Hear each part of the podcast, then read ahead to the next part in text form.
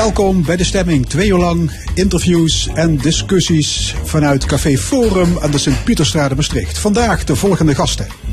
Quirine Melzen over haar muziekvoorstelling over de oorlog. Hanneke Koenen verzamelde oorlogsherinneringen van kinderen door kinderen. Parlementair historicus Bert van der Braak over Prinsjesdag. En onze media-analyst Mark Josten die signaleert meer aandacht voor de regio. In het tweede uur Petra Stine over hoe je een betere spreker kunt worden. En over een tentoonstelling over de Limburgse identiteit. Dan ook een column en het panel discussieert over moskee, onderwijs en andere actuele zaken. En muziek. En die is vandaag van Harry Konsten en Olaf Reinders. Música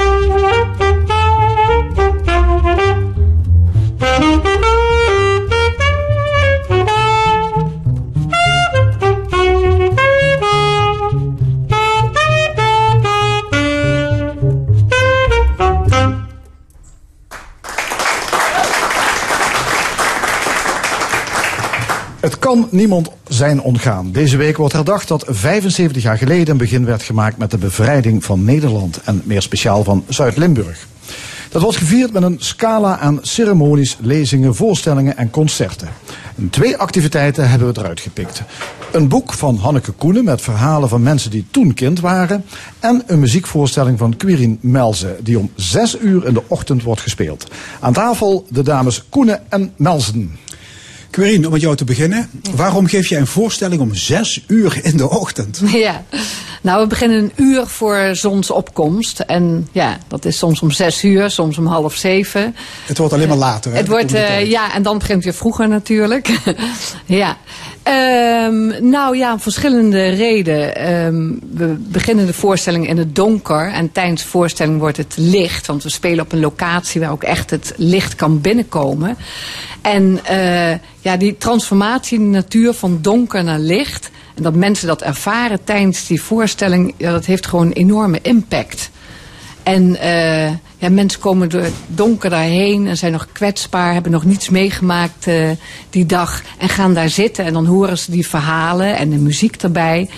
En daarna het ontbijt, wat ook heel essentieel is natuurlijk. De en nabespreking. De nabespreking, ja, nabespreking. Eigenlijk meer mensen delen met elkaar. En dat gebeurt ook echt heel intensief. Mensen hebben allemaal iets met oorlog op een of andere manier. Of kennen de verhalen. Um, ja, het gaat ook over het nu. Hè. Wat, wat doen we nu?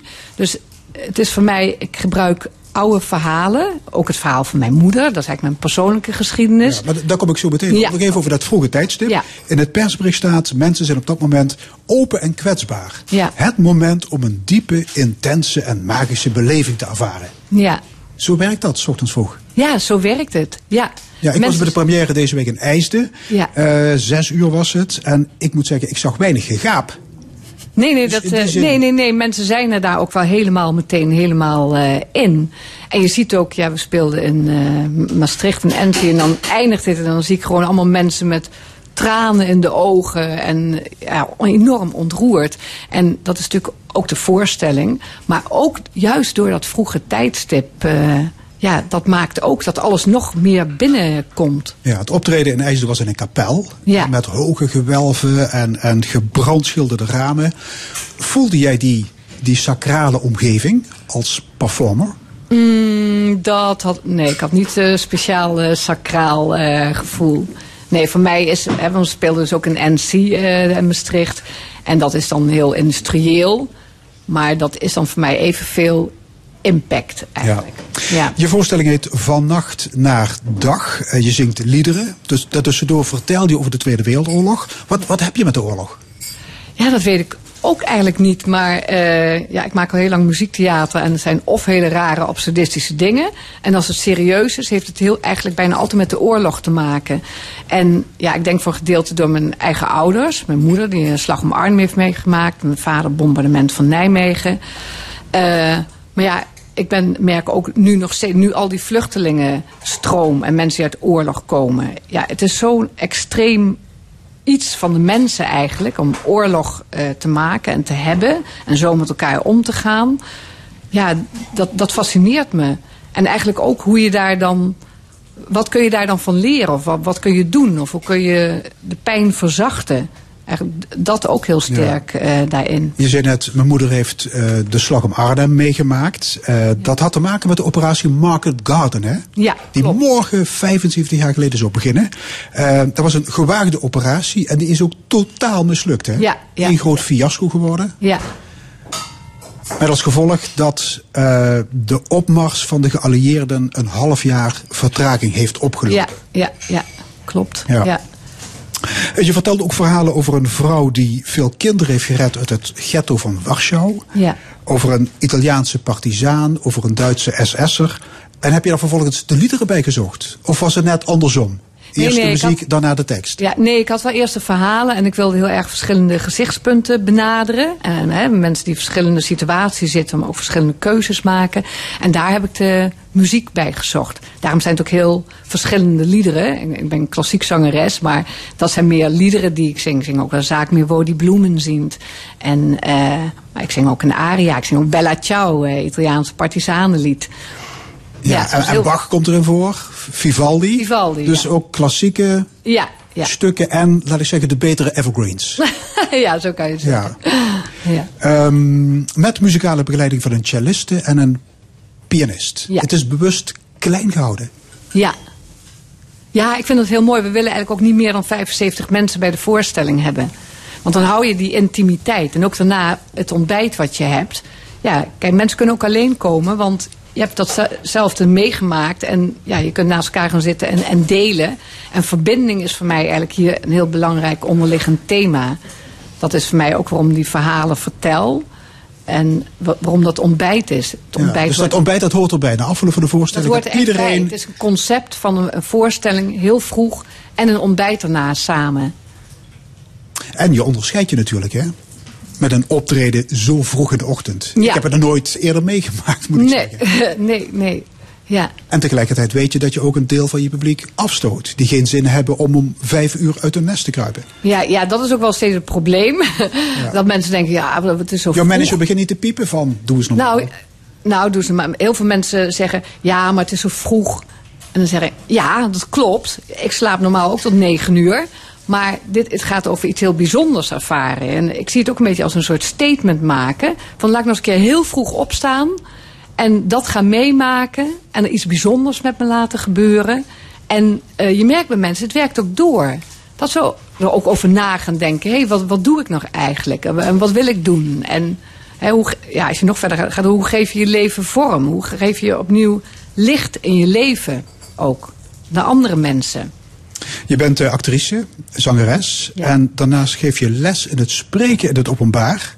En je coacht mensen die een pitch moeten houden. Ja. Wat is er ook alweer een pitch? Ja, hij pitcht eigenlijk een heel kort verhaal over wat je doet. Hè. Bedrijven doen het, of eh, ondernemers, starters, of eh, een uh, inspiratieverhaal, een TED-talk.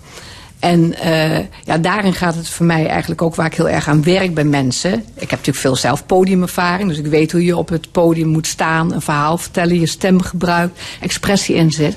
inzet. Maar het gaat heel erg over het waarom van het verhaal. Waarom vertel je het verhaal wat je vertelt? Waarom doe je de dingen die je doet? En ja, dat is voor mij natuurlijk hetzelfde als actrice, theatermaakster. Het gaat over het waarom. Waarom doe ik dit? Ja, niet alleen... Uh, eigenlijk gaat het mij helemaal niet van, oh, denk nou eens terug wat er is gebeurd. Nee, voor mij is het, waarom doe ik dit? Ik wil mensen uh, verbinden, ik wil mensen openmaken, ik wil mensen emoties laten voelen. Ik wil mensen veranderen, uh, in, in een staat brengen dat ze hun leven misschien gaan veranderen. Dat ze iets gaan ondernemen, de wereld mooier maken. Ja. Grote ambitie. Een hele grote ambitie heb ik, ja, dat klopt, ja. ja. Hanneke Koenen, ook hier aan tafel. Jij hebt verhalen, ver, verhalen verzameld van mensen die de oorlog hebben meegemaakt. Uh, verhalen, en dat heb je samen gedaan met kinderen. Je hebt het niet alleen gedaan, je bent op pad gegaan met steeds twee kinderen. En waarom heb je voor die methode gekozen? Nou ja, wat mij gevraagd werd was om een brug te slaan tussen de Tweede Wereldoorlog en de kinderen van nu. En ik heb... Um, toen meteen gedacht aan, het, aan een boek van Jacques Vriends, Oorlogsgeheimen. Want toen dat uitkwam in 2007 realiseerde ik me dat de kinderen in dat boek de generatie van mijn ouders waren. Mijn, uh, mijn moeder is nu bijna 84 en mijn vader zou nu 87 geweest zijn. En um, het was voor mij dus eigenlijk heel logisch om met kinderen van de basisschool nu te gaan praten met kinderen van de basisschool toen. Ra raken hun belevingswerelden elkaar überhaupt nog ergens? Hun ontwikkelingsstadia raken elkaar. Ze vinden vaak dezelfde dingen spannend. Um, ja, ik denk, ik denk dat er veel minder verandert in de tijd dan dat wij vaak denken. Ja. ja. En, en hebben die interviews daardoor een meerwaarde gekregen? Heb jij iets ja, boven water gekregen. Wat je misschien alleen, als je bij die mensen aan tafel had gezeten, als het niet los was gekomen? Nee, nou ja, allereerst het woord interview. Dat is, er wordt altijd gesproken van interviews. Uh, dit is een interview. Hè. Jij stelt een vraag, ik geef een antwoord. Uh, wat, we met de kinderen, wat, wat ik met de kinderen deed, was uh, naar die mensen op bezoek gaan. En we hadden een paar vragen bedacht om het gesprek op gang te brengen. Maar eigenlijk was het gewoon vooral het idee, laat hen maar vertellen. En als we het niet snappen of als we iets meer willen horen erover, dan vragen we wel door. En dat uh, heeft perfect gewerkt. Dus we waren soms twee, tweeënhalf uur bij die mensen bezoek. En uh, we hebben vooral heel veel zitten luisteren. Ja, ja het, het, is ook geen interviewvorm hè, waarin het boek geschreven is. Het zijn verhalen die je zelf uh, hebt opgeschreven. Ja. Na aanleiding dus van die gesprekken. Ja. Ja, misschien is het goed om een, uh, ja. een stukje uit zo'n verhaal voor te lezen. Ja, nou, wat ik, wat ik gedaan heb, is uh, geprobeerd om het verhaal zo op te schrijven dat je het meebeleeft met het kind. Um, daarvoor heb ik natuurlijk ook literaire trucjes uit moeten halen. Maar um, wat ik belangrijk vond, was dat de kinderen wel hun eigen ervaring daarin herkenden. En ik wijst er ook altijd op dat het geen kinderboek is. Het is wel met kinderen gemaakt en het gaat over kinderen. Maar in kinderboeken wordt veel meer uitgelegd en er wordt ook een filter over bepaalde dingen gelegd. Ik heb een klein stukje uitgekozen om dat te illustreren. Er lag een been, mama. De hand van haar moeder stopte even met schillen. Een been, Nieneke? Waar heb jij een been gezien? De juf zei dat we er niet aan mochten komen, maar dat wilde ik sowieso niet. Dat heeft ze goed gezegd, schat. Waar lag dat been dan? De aardappel gleed langzaam in het water. Knap hoe mama dat kon, zonder te spatten. Bij het nieuwe kerkhof voor de soldaten in Margraten. Zijn jullie daar geweest? Ja, we gingen bidden voor de soldaten. Dat is mooi, Mineke. Nou, daar wil ik het bij laten. Ja, ja, mooi. Het zijn, er zijn meer van dit uh, soort verhalen. Kinderen die eigenlijk door het zijn eh, dorpen en het heuvelland lopen, ook tijdens die bevrijding van alles meemaken. He, vaak ook zien dat mensen worden afgevoerd. Uh, er wordt zelfs een iemand uh, buiten het dorp vinden ze iemand die geëxecuteerd is. Ja. Wat mij opvalt is, die kinderen hadden behoorlijk veel vrijheid in die periode. De, tegenwoordig zouden ouders hun kinderen helemaal niet naar buiten laten gaan. En die konden daar rondlopen ja, terwijl de, de, kogels om de oren vlogen. Ik weet niet hoe jouw jeugd was, Frank, maar wij hadden ook veel meer vrijheid. Wij speelden ook gewoon buiten en tegen een uur of zes dacht je, ik geloof dat iedereen naar huis gaat. Ik zal ook maar eens gaan kijken of we moeten gaan eten. En nu is het allemaal heel erg gecontroleerd en met telefoontjes en in de gaten houden. Maar de mensen hadden ook veel meer kinderen. Als jij twaalf kinderen hebt, kan je echt niet op ieder kind gaan letten of het wel precies zit waar jij wil dat het zit. Ja, het is niet zo dat die ouders onverschilliger waren. Of nee, absoluut niet. Nee. nee.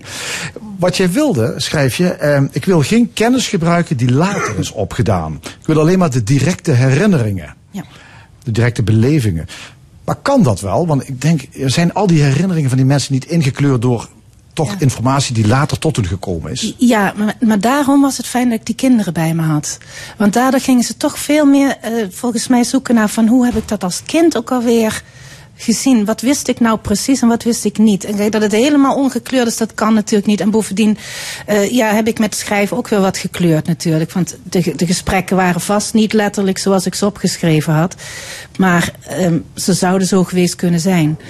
Um, maar um, ik denk wel dat ze daardoor dichter bij hun eigen herinnering gekomen zijn door die kinderen. Ja vaak begrijpen die kinderen ook niet wat er gebeurt. Hè? Je beschrijft bijvoorbeeld een situatie waarin een Duitse militair bij een familie aanklopt en vraagt om burgerkleding. Ja. Nou, dan weet je als volwassene, hij wil deserteren. Ja. Maar de kinderen begrijpen dat niet. Ze begrijpen ook niet dat hun ouders daar weer bang voor zijn. Ja. Dus zij kunnen zich wel herinneren dat zij niet alles snapten. Nee, precies. En ze weten nu wel wat er toen aan de hand was. Maar hoe ik het opgeschreven heb, leg ik dat dus niet uit. Dus dan maak je het inderdaad zo zoals zij. Ze zien dat gebeuren en ze zien dat hun ouders een bepaald gevoel hebben of een bepaalde emotie uitstralen. Maar wat er precies aan de hand is, dat krijg je niet uitgelegd. En als volwassen lezer kan je dat dan wel weer interpreteren. Ja. Is het historisch correct wat erin staat? Nou ja, ik heb de herinneringen van de kinderen opgeschreven. En soms botst dat een beetje met andere verhalen die verteld worden. Er zit bijvoorbeeld een verhaal in over een vrachtwagen die, um, waar een chauffeur van doodgeschoten zou zijn of niet doodgeschoten zou zijn. Het is een beetje dubbel. En ik, en ik heb ook eigenlijk twee verschillende verhalen over vrachtwagens gehoord. Dus ik denk, weet je wat, historici, zoeken jullie dat lekker uit. Ik schrijf gewoon op wat die kinderen mij vertellen. Ja, want vaak is dit het grote verhaal dat hebben mensen wel onthouden. Maar het zijn, begrijpen ook wel eens vaak juist de details. Die kunnen wel verschillen per persoon. Terwijl mensen hetzelfde hebben meegemaakt. Ja, precies. En soms heb ik ook wel gedacht, uh, bijvoorbeeld in het geval van die vrachtwagen. Um, als ik een verhaal live verteld krijg, wat minder sensationeel is dan het verhaal wat ik in de boek gelezen, dan ben ik toch misschien geneigd om het minder sensationele verhaal te geloven daar... Uh... Kan ik me eens bij voorstellen. Ja, ja, ja. ja, ja. Oké, voor, voor wie, wie hoop je dat dit boek uh, gaat lezen? Nou, ik hoop natuurlijk dat iedereen het gaat lezen, Frank. Ik ben wat dat betreft niet bescheiden. Maar ik denk dat het vooral um, leuk is om te lezen voor mensen die zelf in die tijd die leeftijd hadden. En heel veel, ik merk ook van mensen die dat lezen dat ze veel herkennen en dat veel eigen verhalen bovenkomen. En ik heb, uh, ja, eigenlijk vind iedereen die geïnteresseerd is in, in de Tweede Wereldoorlog en mensen die graag uh, mooie verhalen lezen, het fijn om te lezen. Dus. Door de ogen van de kinderen van toen. Ja. Um, nou, ik, zeg, noem nog één keer de titel van jouw boek. Dat is De Engelbewaarders hebben het hier druk gehad. Ja. Het is te koop in uh, de Limburgse boekhandels. En overigens, uh, woensdag, daar ben jij bij boekhandel Krings in Sittard. Ja, daar ga je over uur. je boek vertellen. Juist. Om twee uur. Ja. Dus de dag dat Sittard bevrijd is. Ja, daarom ben niet toevallig, hè? Nee, dat is niet toevallig. Ja. Quirin Melsen, jouw muzikale voorstelling Vannacht naar Dag, die wordt uh, de komende week een aantal keren gespeeld in Limburg. Uh, wanneer en waar? Nou, uh, 17 september in Stadhuis Heerlen. Uh, 21 september Weert gemeentehuis. 28 september Kopermolen en Vaals. Ja, 2 oktober staan we in Nijmegen. Spelen ook nog een... Gelderland. In het voorjaar staan we in AC Roermond 1 maart. En waarschijnlijk begin maart ook begraafplaats IJsselstein. Maar alle speeldata staan op vannacht naar ja, dag. Precies, dat wil ik zeggen. Dat is de website ja. vannacht naar dag.nl. Ja. En ik zeg het nogmaals, de voorstellingen beginnen ergens tussen zes en half zeven in de ochtend. Is jouw stem wakker trouwens op dat uh, matineuze tijdstip? Nou, ik moet er wel een beetje inzingen, maar het gaat, uh, ja, ja, het lukt wel. Het is natuurlijk gewoon even, uh, ja, je hoofd verstand op nul zetten en uh, toonladdertjes gaan zingen. ja. Quirijn Melsen en ook Hanneke Koenen, hartelijk dank. Graag gedaan. Graag gedaan. Dank je. Ja, en vandaag de muziek in de stemming die is van het duo Harry Konsten en Olaf Reinders. Uh, saxofoon en contrabas. Ik begrijp dat jullie ooit begonnen zijn met uh, echt jazzmuziek. Uh, is het dat nu nog of is het iets anders? Ik zou het eigenlijk niet zo goed weten. Maar we zijn inderdaad met jazz een beetje improviseren begonnen. En toen dachten we, het is eigenlijk wel leuk om eigen muziek te maken ook. Dus... Om echt muziek te maken, zeg je? Eigen. Oké. Okay. dat heb ik echt niet gezegd. en uh, ja, al, aldoende kwamen we toen bij onze eigen nummers terecht. En ik denk dat dat ergens wel zeker uh, jazz-invloed in zit. Maar er zitten ook hele andere dingen in, denk ik. Ik denk dat dat juist het spannende is. Ja, want voor saxofoon en contrabas, eh, daar moet je zelf ook wel veel muziek voor componeren. Of is er voldoende? Uh, nee, dus uh, ja, dus, uh, specifiek geschreven eigenlijk vrijwel niks. Maar dan ga je bewerken en ik ben componist, dus dat is voor mij niet zo'n probleem. Dan. Iets. Ja. En ja, hoe zou je jullie muziek dan nu omschrijven? Hoe zou je die omschrijven? serieus, um, grappig, jazz, klassiek door elkaar. Ik weet het niet precies. nou, we gaan het zo meteen natuurlijk gewoon ook horen. Hè? Bij, bij, wel, bij welk soort gelegenheden treden jullie op? Nou, meestal een, eh, een, kleinere groep. Dat is toch het mooiste.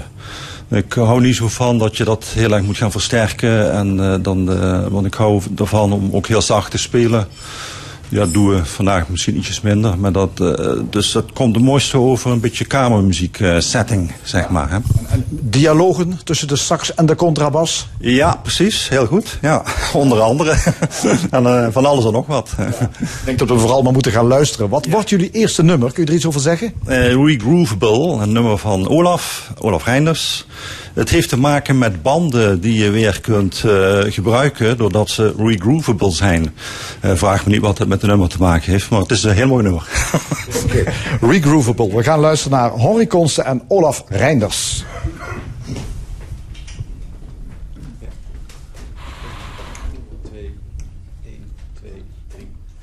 Thank.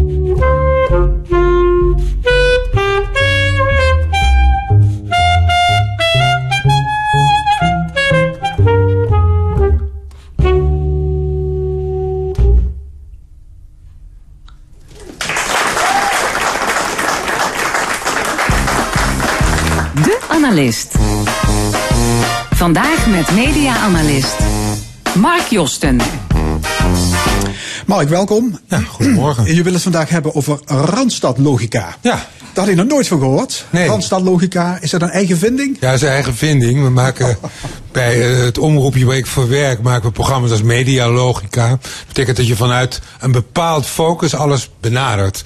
En wat in Nederland echt heel erg speelt, is dat heel veel vanuit een randstedelijke focus begint. Dus eh, alles wat je in Nederland wil duiden, begint met eh, Amsterdam. En ik ben dol op Amsterdam, maar Nederland is niet Amsterdam. En dat is Randstadlogica en daar moeten we niet aan doen. Ja, dus de, de media zijn te veel gericht op, op Ja. de Randstad. En alles daarbuiten wordt door een Amsterdamse bril bekeken. Ja, Zo- en het, zoiets. En daar komt, en daar komt, en nou ja, daar ga ik ook, maar daar komt, ontstaat een heel ecosysteem omheen. Hè. Alles organiseert zich rondom Amsterdam. Alle mensen die dingen gaan maken, die programma's maken, wonen in Amsterdam. En dat betekent dat je het heel erg Amsterdam centrisch maakt. En nogmaals, niks ten nadele van Amsterdam, maar dat is niet goed. Kijk, wat, wat is het grote probleem?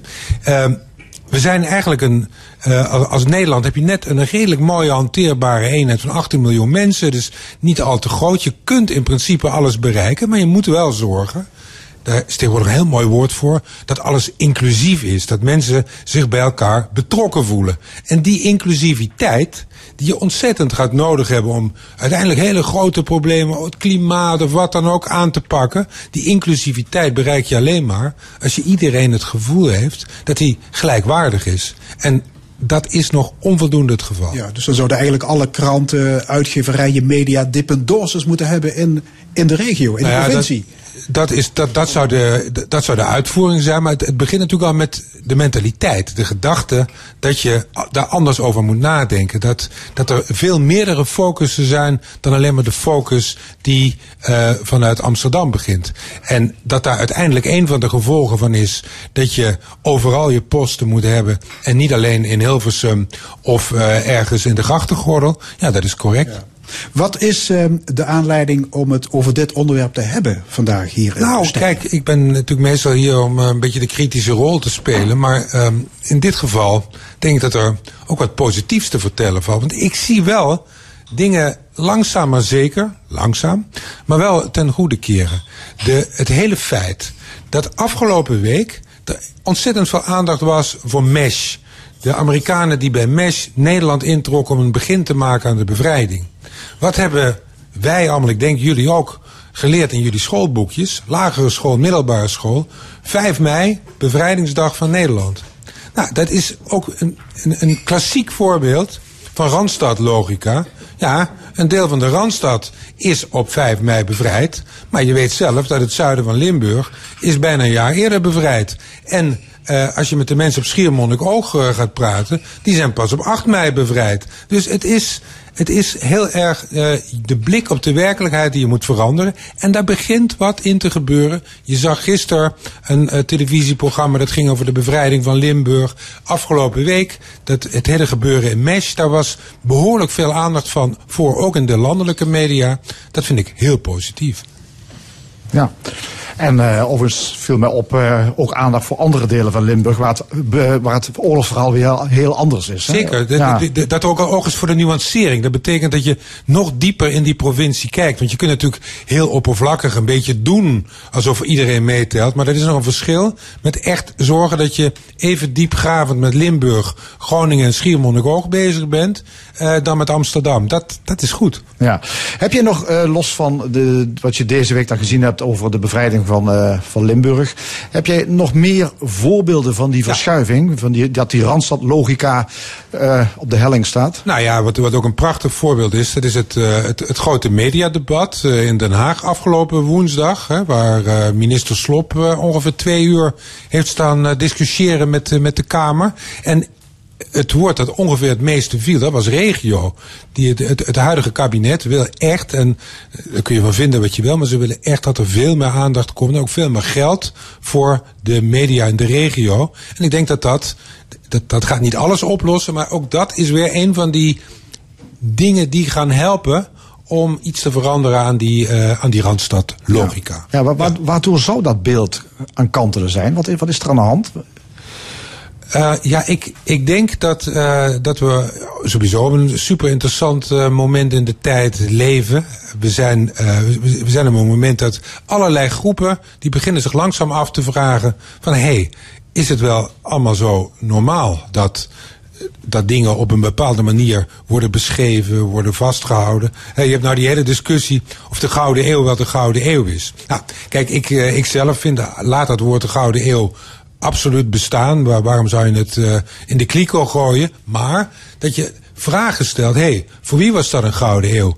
Was het misschien geen gouden eeuw voor heel veel uitgebuite werknemers? Voor slaven? Was het misschien ook geen gouden eeuw voor de generaliteitslanden hier in uh, Limburg? Hey, en was het dan niet al een eeuw eerder de gouden eeuw van ook een deel dat tot Nederland behoorde? Namelijk Vlaanderen. Zijn Gent en Brugge met de gouden eeuw ons niet hartstikke voorgegaan? Die vragen te stellen is cruciaal, want daardoor krijg je een veel inclusiever, breder beeld van jezelf. En dat hebben we ontzettend nodig. Anders laat je alleen maar door de waan van de dag leiden. Ja, de Gouden Eeuw was ja. alles behalve een Gouden Eeuw voor Limburg natuurlijk. In die oh ja, nou ja, dat ja. is exact. Ja.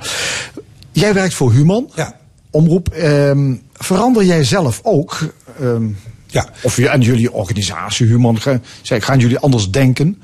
Ja, ik, ik, ik, ik, ik zie dat wel. Kijk, ik heb natuurlijk altijd als uh, met mijn uh, Limburgse achtergrond ervoor gepleit, ook bij vorige landelijke media waar ik werkte, om ook de regio uh, te behandelen, waaronder Limburg. maar je merkt dat dat steeds een logische gedachte wordt. Het wordt steeds uh, makkelijker, wordt daar uh, ja op gezegd. Want kijk, we, maken dus nu een, een, een vrij grootse, groots opgezette serie vanuit de wijk Lindenheuvel in Geleen. Als opvolger van een serie, een succesvolle serie, die we in Amsterdam-Noord hadden opgenomen. Ja, toen ik weet nog precies wanneer het gebeurde. Dat was twee jaar geleden. Toen we een, uh, een soort brainstorm hadden. Zei van, nou, luister jongens, prachtig dit succes. Maar de opvolger hiervan moet uit de regio komen. We kunnen niet alleen maar vanuit Amsterdam-Noord de, de algemene Nederlandse problematiek bekijken. Het ging toen over armoede. Nu wilden we een serie over eenzaamheid. En die, gewoon de gedachte om dat vanuit Geleen te doen. Ik denk zeker tien jaar geleden zou gezegd worden. Jezus, Mark, ja, leuk idee. Maar weet je wat dat allemaal extra kost? Om al die ploegen die uh, bijna allemaal in het, in het noorden wonen, daar naartoe te laten gaan. Een researcher daar, een half jaar, een half jaar Amsterdam-Noord, dat kost niks. Half, half jaar Limburg, kost een hoop geld. Dat verhaal is voorbij. Er wordt nu echt gedacht van nou nee, die extra investering die is het waard om tot die inclusievere blik te komen. En bovendien, we zijn natuurlijk een humanistische omroep. Wat ben je nou voor waardeloze humanist? Als de enige, de enige mens van wie je uitgaat de, de, de, de randstedelijke mens uh, is, de, de, de homo randstedicus. Dat, dat kan niet. Nee. ja, ja. Overigens, die mensen hoeven toch ook niet allemaal uit de Randstad te komen als je een programma gaat maken in Geleen. Sterker. Dus dat doe je ook wel uit de Randstad gedacht, Nee, sterker. Nee, nee, nee, sterker. De allerbeste cameraman ik denk van uh, niet alleen van Nederland ver over de grenzen.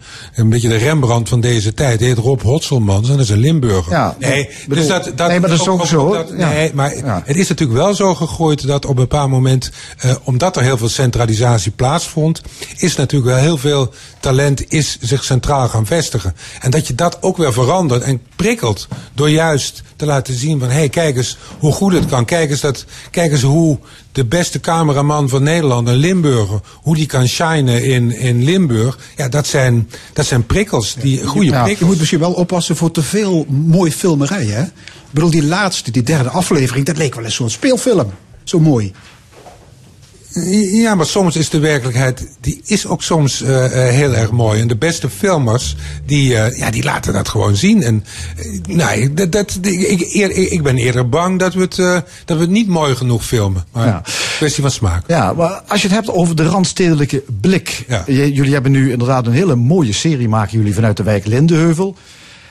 Er is iets wat mij opvalt. Ja, ik kan het raden. Ja, je weet het. Ja, vul het maar in. Ik denk de ondertiteling. De ondertiteling. Al die mensen worden ondertiteld. Ja. Ik kan me voorstellen als iemand Limburgs praat, dat je dat ondertitelt voor de rest van het land. Maar er zijn mensen die keurig Nederlands praten met een iets wat zuidelijke tongval. En die worden allemaal ondertiteld. Ik snap er niks van. Nou, daar, daar, daar, daar ga ik toch als mede-Limburger denk ik een, een heel sluitend antwoord op geven.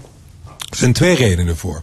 De eerste is, we praten mensen die praten echt dialect, wat voor de kijker, want je doet het uiteindelijk Nee, maar de kijker. los van de mensen die echt dialect praten. Maar de mensen die Nederlands praten. De mensen die Nederlands praten zijn niet voor iedereen even goed te verstaan. En als je het bij een paar doet, gaat on- ondertitelen, moet je het structureel doen. En daar komt nog één ander argument bij. En eh, nogmaals, we doen het voor de kijker, we doen het niet voor onszelf en we doen het ook niet voor de heilige principes. Maar er zijn ook onderzoeken gedaan. Hè? Vlamingen en Nederlanders die ondertitelen ook vaak elkaars uitzendingen. En dan krijgen we ook bergen e-mails over. En terecht, Eh, eh, toch? Nou ja, daar, dat ga ik nu dus bestrijden. Ik heb nog nooit iemand gezien in Amsterdam-Noord die, hoe Amsterdamse die ook praten, die ondertiteld wordt. Op, op de Nederlandse tv, maar op de Dat Belgische tv. Nee, Nee, ik heb op de Nederlandse tv. Nee, dat klopt, dat klopt. Maar het, het, het punt is, en dat, dat heeft onder andere de Universiteit Antwerpen, die heeft uitgezocht dat als je mensen met accenten, dus voor de, voor de grote groepen mensen die accenten hebben, als je die niet ondertitelt, mis je 38% van je publiek. Nou, het- dat was een heel degelijk onderzoek. Dus ik, ik denk zelf van ja, we kunnen hier vanuit principe, vanuit eh, regionale gelijkwaardigheid kun je zeggen van oké, dat doen we. Maar ik vind toch, als je kijkers gaat missen, moet je het gewoon doen. En daar, daar zit niks discriminatoors Maar aan. als er niks discriminator aan zit, waarom is die voice-over van die Hollandse mevrouw dan niet ondertiteld? Die, die stem, die, die, die, eh, van die Hollandse mevrouw, eh, of, dat- een Hollandse mevrouw is, ik ga nog wat onthullen. Met die stem zijn we ontzettend lang bezig Maar geweest. die stem is niet ondertiteld. Nee, maar die stem, die, daar hebben we expres. Daar, daar hebben we, god, daar- ik kan er wel vijf minuten over doorgaan. Maar die stem, nee, daar hebben we. Dat is de stem van Santa Barbara, hè, de, de, de heilige. En die heilige, daar hebben we heel lang van. Moet die heilige een Limburgse stem hebben? Dat is een beetje debat. Is God, is dat een mens of is God iets. eh iets, iets, een iets voor Limburger, iedereen? ja. Ja. En toen hebben we toch gedacht van, nou, die, die God, die, die, die moet, die, die Santa Barbara, die moet toch een stem hebben die echt. eh, het, het, het, bijna het summum van ABN is. Daar, hebben we een, eh, ook een, een actrice van het, eh, de, de, het ITA, Internationaal eh, Theatergroep Amsterdam, voor genomen. Dat iedereen dat kan verstaan. Ja, misschien als we heel consequent waren geweest, hadden we daar ook onder. Maar eh, de juiste bedoeling was dat we één stem hadden die we niet konden ondertitelen. Mark, houdt dit nog ergens op, deze hele ontwikkeling? Eh, ik denk Of- dat het nooit ophoudt. Ik bedoel, het, het feit dat jij me net al deze gewetensvraag stelt, waar ik toch, eh, eh, toch behoorlijk zwetend over ga nadenken het komende uur, dat, dat geeft al veel aan. Maar die geschiedenis houdt nooit op. En, en steeds opnieuw denken over hoe eik je je geschiedenis, hoe inclusief kun je zijn, houdt nooit op. En dat is goed.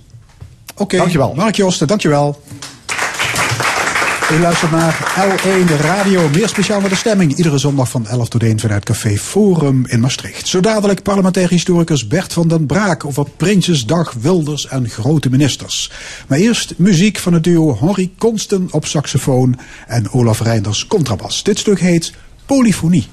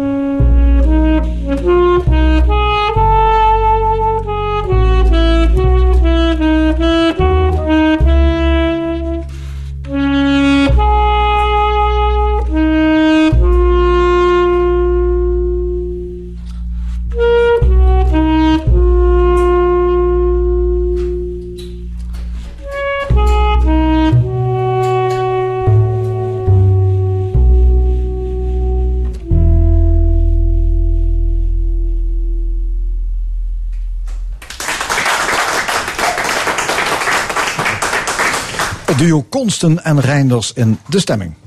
Dinsdag, dan is het Prinsjesdag, de jaarlijkse hoogmis van de parlementaire democratie. Een goed moment voor een vraaggesprek met Bert van de Braak, bijzonder hoogleraar parlementaire geschiedenis aan de Universiteit Maastricht en veelgevraagd analyticus van actuele politieke zaken. Ja, meneer Van der Braak, welkom. Ja, weten de media u eh, goed te vinden? Uh, ja, eigenlijk wel. Nog, uh, als er iets gebeurt, dan uh, raadplegen ze mij nog wel eens. Ja, en doet u dat met plezier? Dat doe ik altijd met heel veel plezier. Ja, komt u altijd goed tot uw recht? nou, het is soms, ja, soms denk je wel eens, ik had er nog wel iets meer over willen vertellen. Of dan, maar goed, een tijdje geleden moest ik iets over de nacht van Wiegel. en toen dacht ik van, het was, wel, het was heel vroeg. En toen dacht ik, nou, ik had er nog wel tien minuutjes wat meer over kunnen vertellen. Maar ja, goed. Maar u bent parlementair historicus. Uh, die houden toch niet zo van de waan van de dag? Die willen toch dat er tijd overheen gaat? Dat is, dat is waar. Maar het is juist goed om uh, tegen de maan van de dag af en toe te zeggen van... nou, we doen nu net alsof het heel bijzonder is, maar misschien is dat wel niet zo. En uh, misschien kunnen we ook uitleggen van ja, hoe zijn dingen nou zo gekomen of... Dus dat is juist het tegendeel van de waan van de dag. Het is juist dingen in context zetten. Ja. En, en, en, relativeren ook ja. soms. Ja. Dinsdag is het Prinsjesdag hè, met de troonrede en de Gouden Koets en het aanbieden van de miljoenennota. Is dat voor u ook een soort feestdag? Ik vind het altijd uh, heel erg leuk uh, om mee te maken. Ik, vroeger uh, hadden, hadden wij ons kantoor ook op het Binnenhof, namelijk in de Eerste Kamer, in, in de kelder van de Eerste Kamer. En, en ons is in dit geval? dat was het Parlementair Documentatiecentrum, bestaat overigens nog steeds. Maar wij, wij konden dus altijd ja, heel erg op de eerste rang alles bekijken. En dat was altijd een feest. Ja. Er wordt ieder jaar gelekt bij het leven. Nou ja, lekker, de, de complete miljoenenlota ligt op straat. Dat is dit jaar weer niet anders, hè? Nee, ja, het is ook een beetje moeilijk natuurlijk. Want uh, enerzijds uh, wil je dat uh, met name politici natuurlijk wel van tevoren ook alles al kunnen bestuderen. Want er is al gelijk een debat diezelfde week. soms heeft de regering er ook wel belang bij om dingen alvast een beetje voor te koken. Of, ja, vooral het zoet hebben begrepen. Ja, dat nou zuur ja, een beetje dat is voor donkere maanden. Ja, dat is zeker zo. en journalisten zijn natuurlijk ook wel, denk ik, handig. Ik ben daar niet zo heel erg blij mee, toch? Want ja, als je maar een deel van, de, van het verhaal vertelt, uh, ja, dan ja. kan het ook een, uh, tot misvattingen leiden. Het blijft irritant natuurlijk, dat, dat lekken. Uh, eigenlijk uh, in zekere zin wel, ja. ja zekere zin. U bent uh, sinds 1 december bijzonder hoogleraar in Maastricht. hoe bevalt het? Nou, erg leuk. ja, ik moet zeggen, ik kom eigenlijk niet zo heel vaak in Maastricht. Want ik geef in het voorjaar geef ik college. En nou, er zijn nog wel eens wat andere activiteiten. Maar heel veel van mijn werkzaamheden doe ik gewoon vanuit mijn huidige werk in, het, in Den Haag. Dus, ja, en wat doet u precies hier? Ik, ik geef colleges aan, aan studenten over parlementaire geschiedenis. Met, en ik heb bijvoorbeeld in het voorjaar iets verteld over de kabinetsformaties. En over hoe het parlement werkt. Welke rechten die allemaal hebben. En, en, uh, dus, ja, en, en dan probeer ik daar ook de geschiedenis wel in te, verwer te verwerken. Over een paar weken spreekt u de oratie uit. Uh, de titel heeft u al. Ja. En die is Is meten weten over interpretatie van parlementaire data. Dat moet u even uitleggen. Wat zijn parlementaire data? Nou ja, het parlement uh, doet natuurlijk heel veel. Die, uh, die behandelen wetsvoorstellen, die dienen amendementen in. Hè. Nou, de Tweede Kamer doet dat dan. En moties. En uh, er worden vragen gesteld. En er worden debatten gehouden. dat, kan je, dat kan je natuurlijk allemaal tellen. je kan zeggen van nou, hoeveel amendementen worden er ingediend. Zijn dat er meer dan vroeger? Maar de les is eigenlijk van, uh, je kan wel tellen, maar dat is niet voldoende. Je moet eigenlijk toch ook kijken van, ja, wat betekent dat nou? Hè? Moties bijvoorbeeld, worden heel veel moties ingediend en ook een deel, uh, lang niet allemaal aangenomen. Uh, maar ja, als de hele Kamer daarvoor was, voor zo'n motie, ja, dan kan je je toch afvragen, is dat nou zo heel, heeft dat nou zoveel betekenis? Maar als nou een motie wordt aangenomen met een hele kleine meerderheid, en bijvoorbeeld één regeringsfracties en dan oppositie, uh, ja, dat is, heeft natuurlijk wel betekenis. Dus je moet heel erg goed kijken van wat, wat betekent dat nou eigenlijk. Dus u wijst op het belang van het interpreteren, ja. het duiden van al die gegevens. Precies, ja. ja. Um, Geert Wilders die is in het nieuws vanwege zijn rechtszaak over die beruchte minder minder Marokkanen mm -hmm. uitspraak. Hij zei er toen bij, dan gaan we dat regelen. Uh, een journalist is gaan speuren in de, in de parlementaire ja. monitor.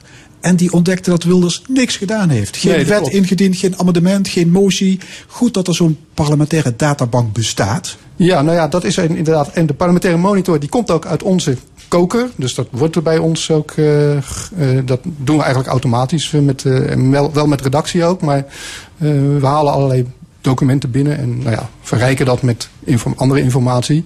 Ehm, maar uh, ja, het is inderdaad zo dat uh, dan kan je dus dat soort beweringen kan je heel makkelijk uh, eigenlijk weerleggen. Ja. En ja, niet altijd tot genoegen van de, van de Kamerleden. Wat vindt u eigenlijk van het fenomeen Wilders? De man zit al 21 jaar in de Tweede Kamer. Wat is zijn bijdrage aan parlement en samenleving? Nou ja, het geluid wat hij uh, vertegenwoordigt, dat, dat moet natuurlijk ook in de Kamer worden gehoord. Ik bedoel, wat je daar dan ook verder van vindt. Maar ja, er is een groep, uh, een deel van de bevolking, die uh, vindt wat hij vertegenwoordigt dat dat gehoord moet worden. Nou, dat is, ja, zo werkt onze democratie natuurlijk. Uh, en dat is misschien ook wel het mooie van, uh, van onze democratie. Dat alle geluiden, of het nou gaat over rechten van dieren of over nou ja, religieuze uitingen of, of, of zo'n geluid van ja, we moeten eigenlijk stoppen met het toelaten van, van migranten.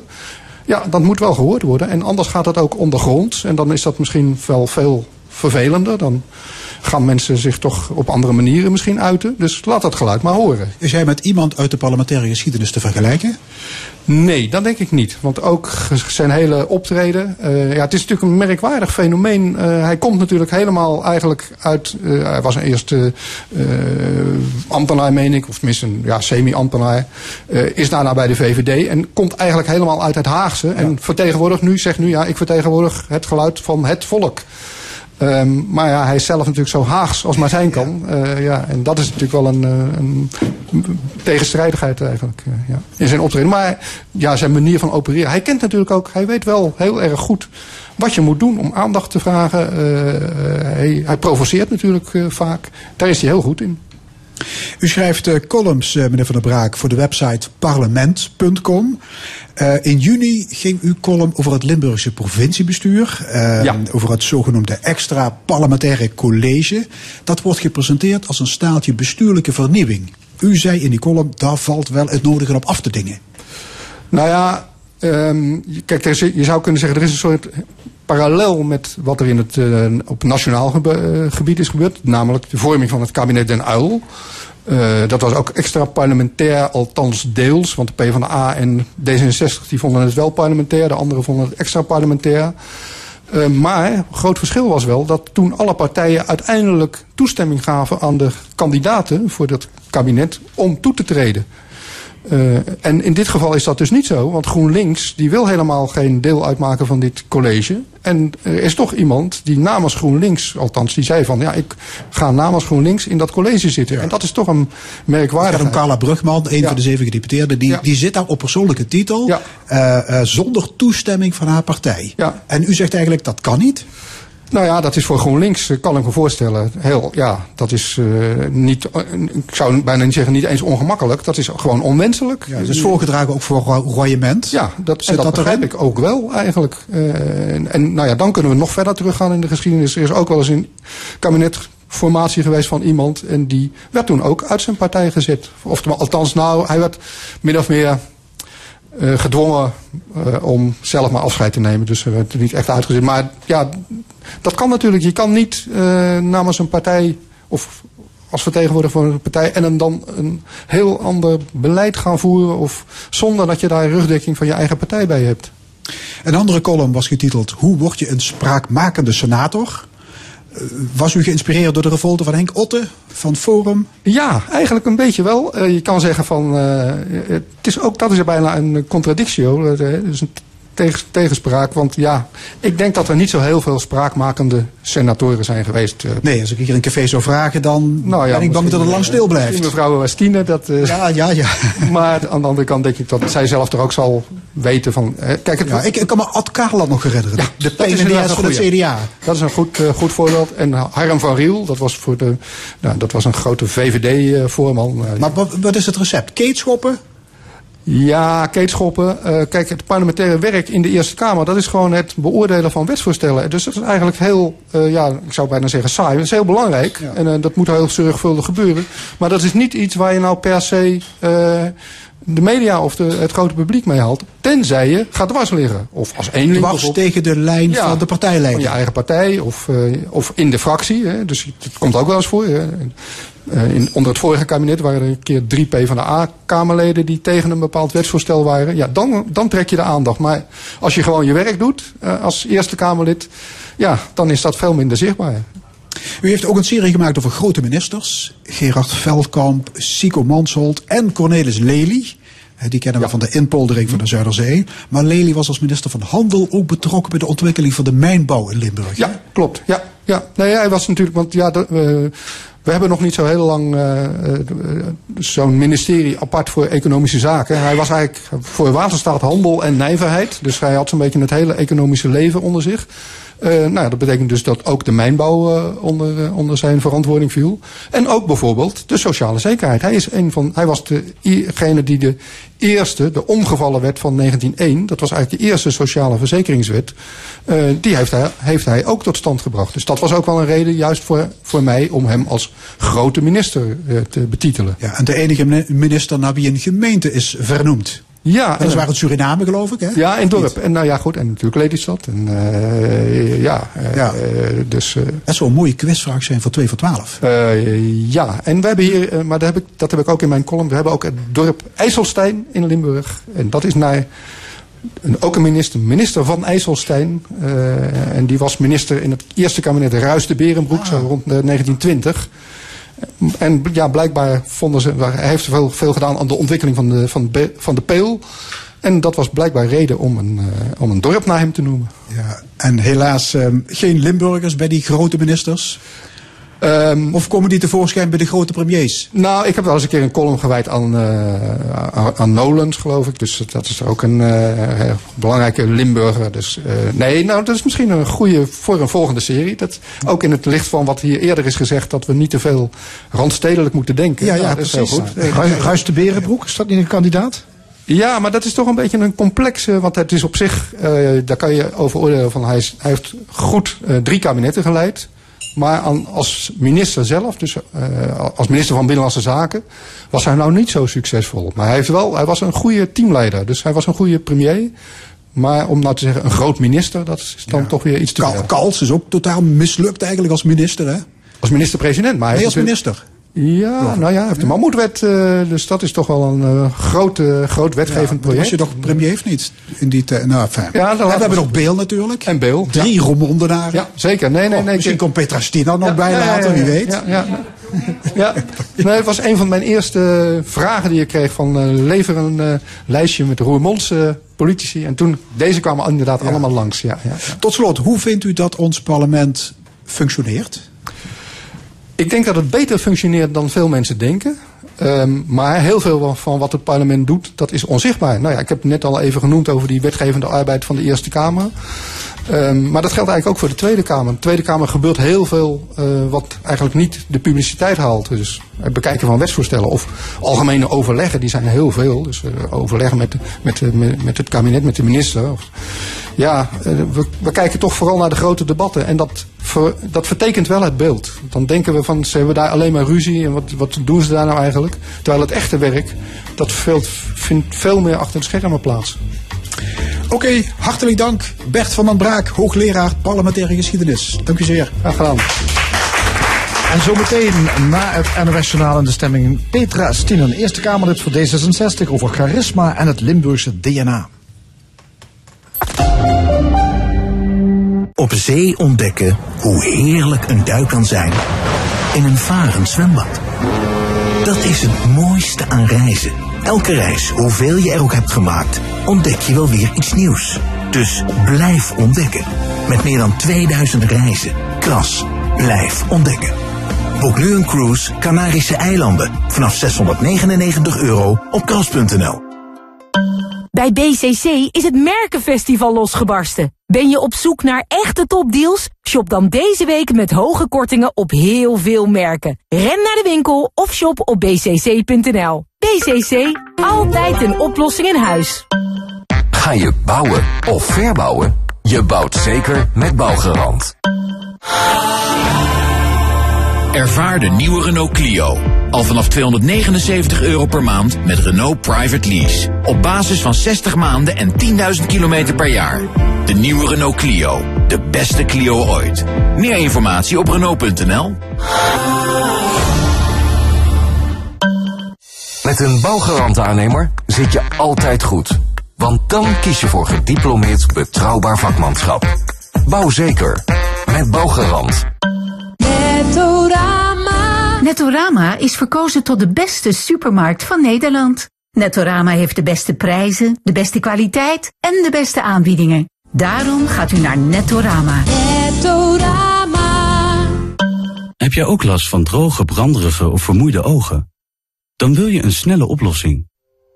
Aan vogeloogdruppels geeft langdurige bevochtiging en verlichting en helpt je droge ogen te verzachten. Aan vogeloogdruppels helpt. Door consumenten beoordeeld met een 9,4. Medisch hulpmiddel. Lees voor gebruik de gebruiksaanwijzing. Fotoalarm! Alleen dit weekend bij Kruidvat 35% korting op alle fotoboeken. Wauw, dat wordt heel voordelig nagenieten van je vakantie bij Kruidvat. Steeds verrassend, altijd voordelig. Mazeik herdenkt in september het einde van de Tweede Wereldoorlog. 75 jaar vrede. Een moment om bij stil te staan en om te vieren. Met inhuldiging van het Bevrijdingsplein, een militaire parade, de tentoonstelling Brigade Piron en de gratis expo 75 jaar vrede. Bekijk het complete programma op mazeik.be. In Blaaskracht hebben we opnames van Stemmig Maastricht, opgenomen in boekhandel Dominicanen in juni. Met werken van de Maastrichtse componisten Carl Smulders, Henry Koonste, Victor Vermin, Hans Besselink, André Bonom en Hans Leenders. Dat allemaal in Blaaskracht. Vandaag van 7 tot 9 op L1 Radio. Dit is L1 met het nieuws van 12 uur. Katrien Straatman met het NOS Journaal. Opnieuw zijn in Hongkong mensen massaal de straat op gegaan om te demonstreren voor democratische hervormingen en de vrijlating van duizenden arrestanten. De demonstratie is verboden. De politie heeft vooraf geweigerd er toestemming voor te geven. Maar van dat verbod trekken de demonstranten zich niets aan. In de buurt van het hoofdkwartier van het leger in Hongkong vuurde de politie traangasgranaten af. Eerder vandaag gingen honderden mensen naar het Britse consulaat. Ze liepen de Britten op om Hongkong te helpen. Hulpverleners van het Rode Kruis mogen van de Taliban weer aan de slag in Afghanistan. De terroristische organisatie verbood het Rode Kruis in april nog langer te werken in gebieden waar zij de macht uitoefenen. Vaccins van het Rode Kruis zouden onbetrouwbaar zijn. De Taliban laat nu weten de veiligheid van de hulpverleners weer te kunnen garanderen. De kinderen die vannacht in Strijbeek bij een woningbrand om het leven kwamen waren twee jongens van zes en negen. De bewoonster, de oma van een van de kinderen en het derde kind dat daar ook logeerde konden het huis op tijd verlaten. De kinderen lagen waarschijnlijk te slapen toen de brand uitbrak. Het huis, een soort chalet, is zo goed als verwoest. Het was van hout. Iran ontkent dat het achter de droneaanvallen zit op twee vitale olieinstallaties in Saoedi-Arabië. De jemenitische Houthi-rebellen eisten de verantwoordelijkheid op, maar de Amerikaanse minister van Buitenlandse Zaken Pompeo zegt dat daarvoor geen enkel bewijs is. Hij wijst naar Iran. Teheran noemt de beschuldiging een onderdeel van Washingtons beleid van maximale leugens. Het weer, vooral in het zuiden, schijnt geregeld de zon. In het noorden is er veel bewolking die zich uitbreidt. Vanavond gaat het in het noorden ook regenen. Het is 19 graden in het noorden en 24 in het zuidoosten van het land. Morgen bijna overal bewolkt en vooral in het midden en noorden van tijd tot tijd regen. In het zuidoosten kan het nog 20 graden worden. Dit was het NOS Journaal. Renaissance muziek ten top tijdens Musica Sacra Maastricht. Kom onder andere luisteren naar Amacor, Concerto Romano en La Compagnia del Madrigale. Met muziek van Monteverdi. Kaarten via musicasacramaastricht.nl Alsjeblieft, uw auto is weer tip-top in orde. Ik kies voor vertrouwd onderhoud van Autovakmeester. Voor alle merken, altijd in de buurt. Kijk maar eens op autovakmeester.nl. Van Tilburg past keurig en fleurig. Klassieke rokken en hippe toppen. Van Tilburg past jouw stijl. Van Tilburg past iedereen. Vermaak je in de grootste modewinkel van Nederland of op vantilburgonline.nl. Je Volkswagen houdt je het liefst 100% Volkswagen, zonder dat je daar te veel voor betaalt. Daarom is er Economy Service. Voordelig onderhoud voor elke Volkswagen die al een tijdje meegaat. Met standaard 2 jaar garantie en gratis pechhulp in heel Europa. 100% Volkswagen en dat voor een voordelig tarief. Zo blijft je Volkswagen helemaal Volkswagen. Wat wil je nog meer? Kijk op volkswagen.nl. Wereldwijd gaan 9 van de 10 kinderen met een handicap niet naar school. Het Lilianenfonds zorgt ervoor dat zij wel naar school gaan. Ga naar lilianenfonds.nl en kijk wat u kunt doen. Aanstaand weekend open house voor elke motorliefhebber bij Dutch Hills Kerkrade.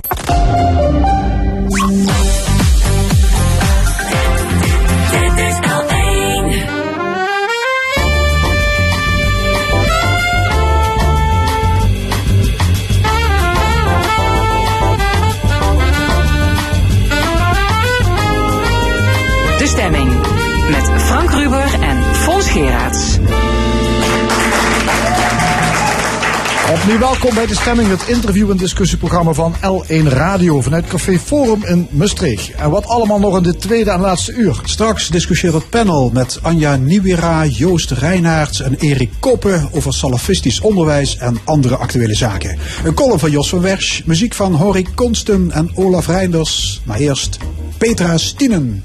Ze schreef een boek over hoe je moet spreken in het openbaar. Meer in het algemeen hoe je je charisma kunt vergroten. We waren ook eens betrokken bij een tentoonstelling over het DNA van Limburg en van Roermond, haar geboortestad. En ze is natuurlijk ook nog altijd Eerste Kamerlid voor D66. Bij ons Petra Stienen. Petra, welkom. Goedemorgen. Was dat een beetje behoorlijk voorgedragen door mijn collega? Ja, ik voelde meteen eh, een invoelende stem. Ik dacht, ja, met deze dankjewel. man wil ik in gesprek. Dankjewel. Ja. Goede stem, de juiste Ja. dictie, rechte Grappig rug. hè, dat iedereen meteen denkt, oh, ben ik wel charismatisch genoeg? Ja. Ja. ja. Ja. Maar toch proberen we ons niet te veel aan te trekken eigenlijk van hoe het, hoe het hoort. Is het niet belangrijk om gewoon een beetje jezelf te blijven? Nou, en dat is meteen het grootste misverstand in Nederland. In heel veel andere landen leer je eigenlijk al op de kleuterschool dat hoe je een verhaal vertelt en wie je dan zelf bent als je dat verhaal vertelt, dat je dat gewoon moet oefenen. En we zeggen altijd, je moet eerst weten als je iets te vertellen hebt, wat je wil vertellen.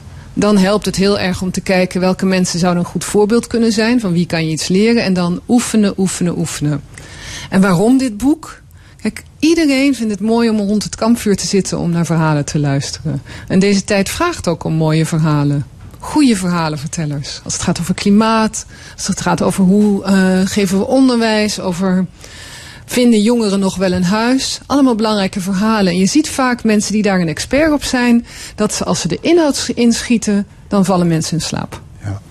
Het boek gaat over ja, spreken in het openbaar. Hè? Hoe, hoe je de aandacht moet vangen van het publiek. Over technieken.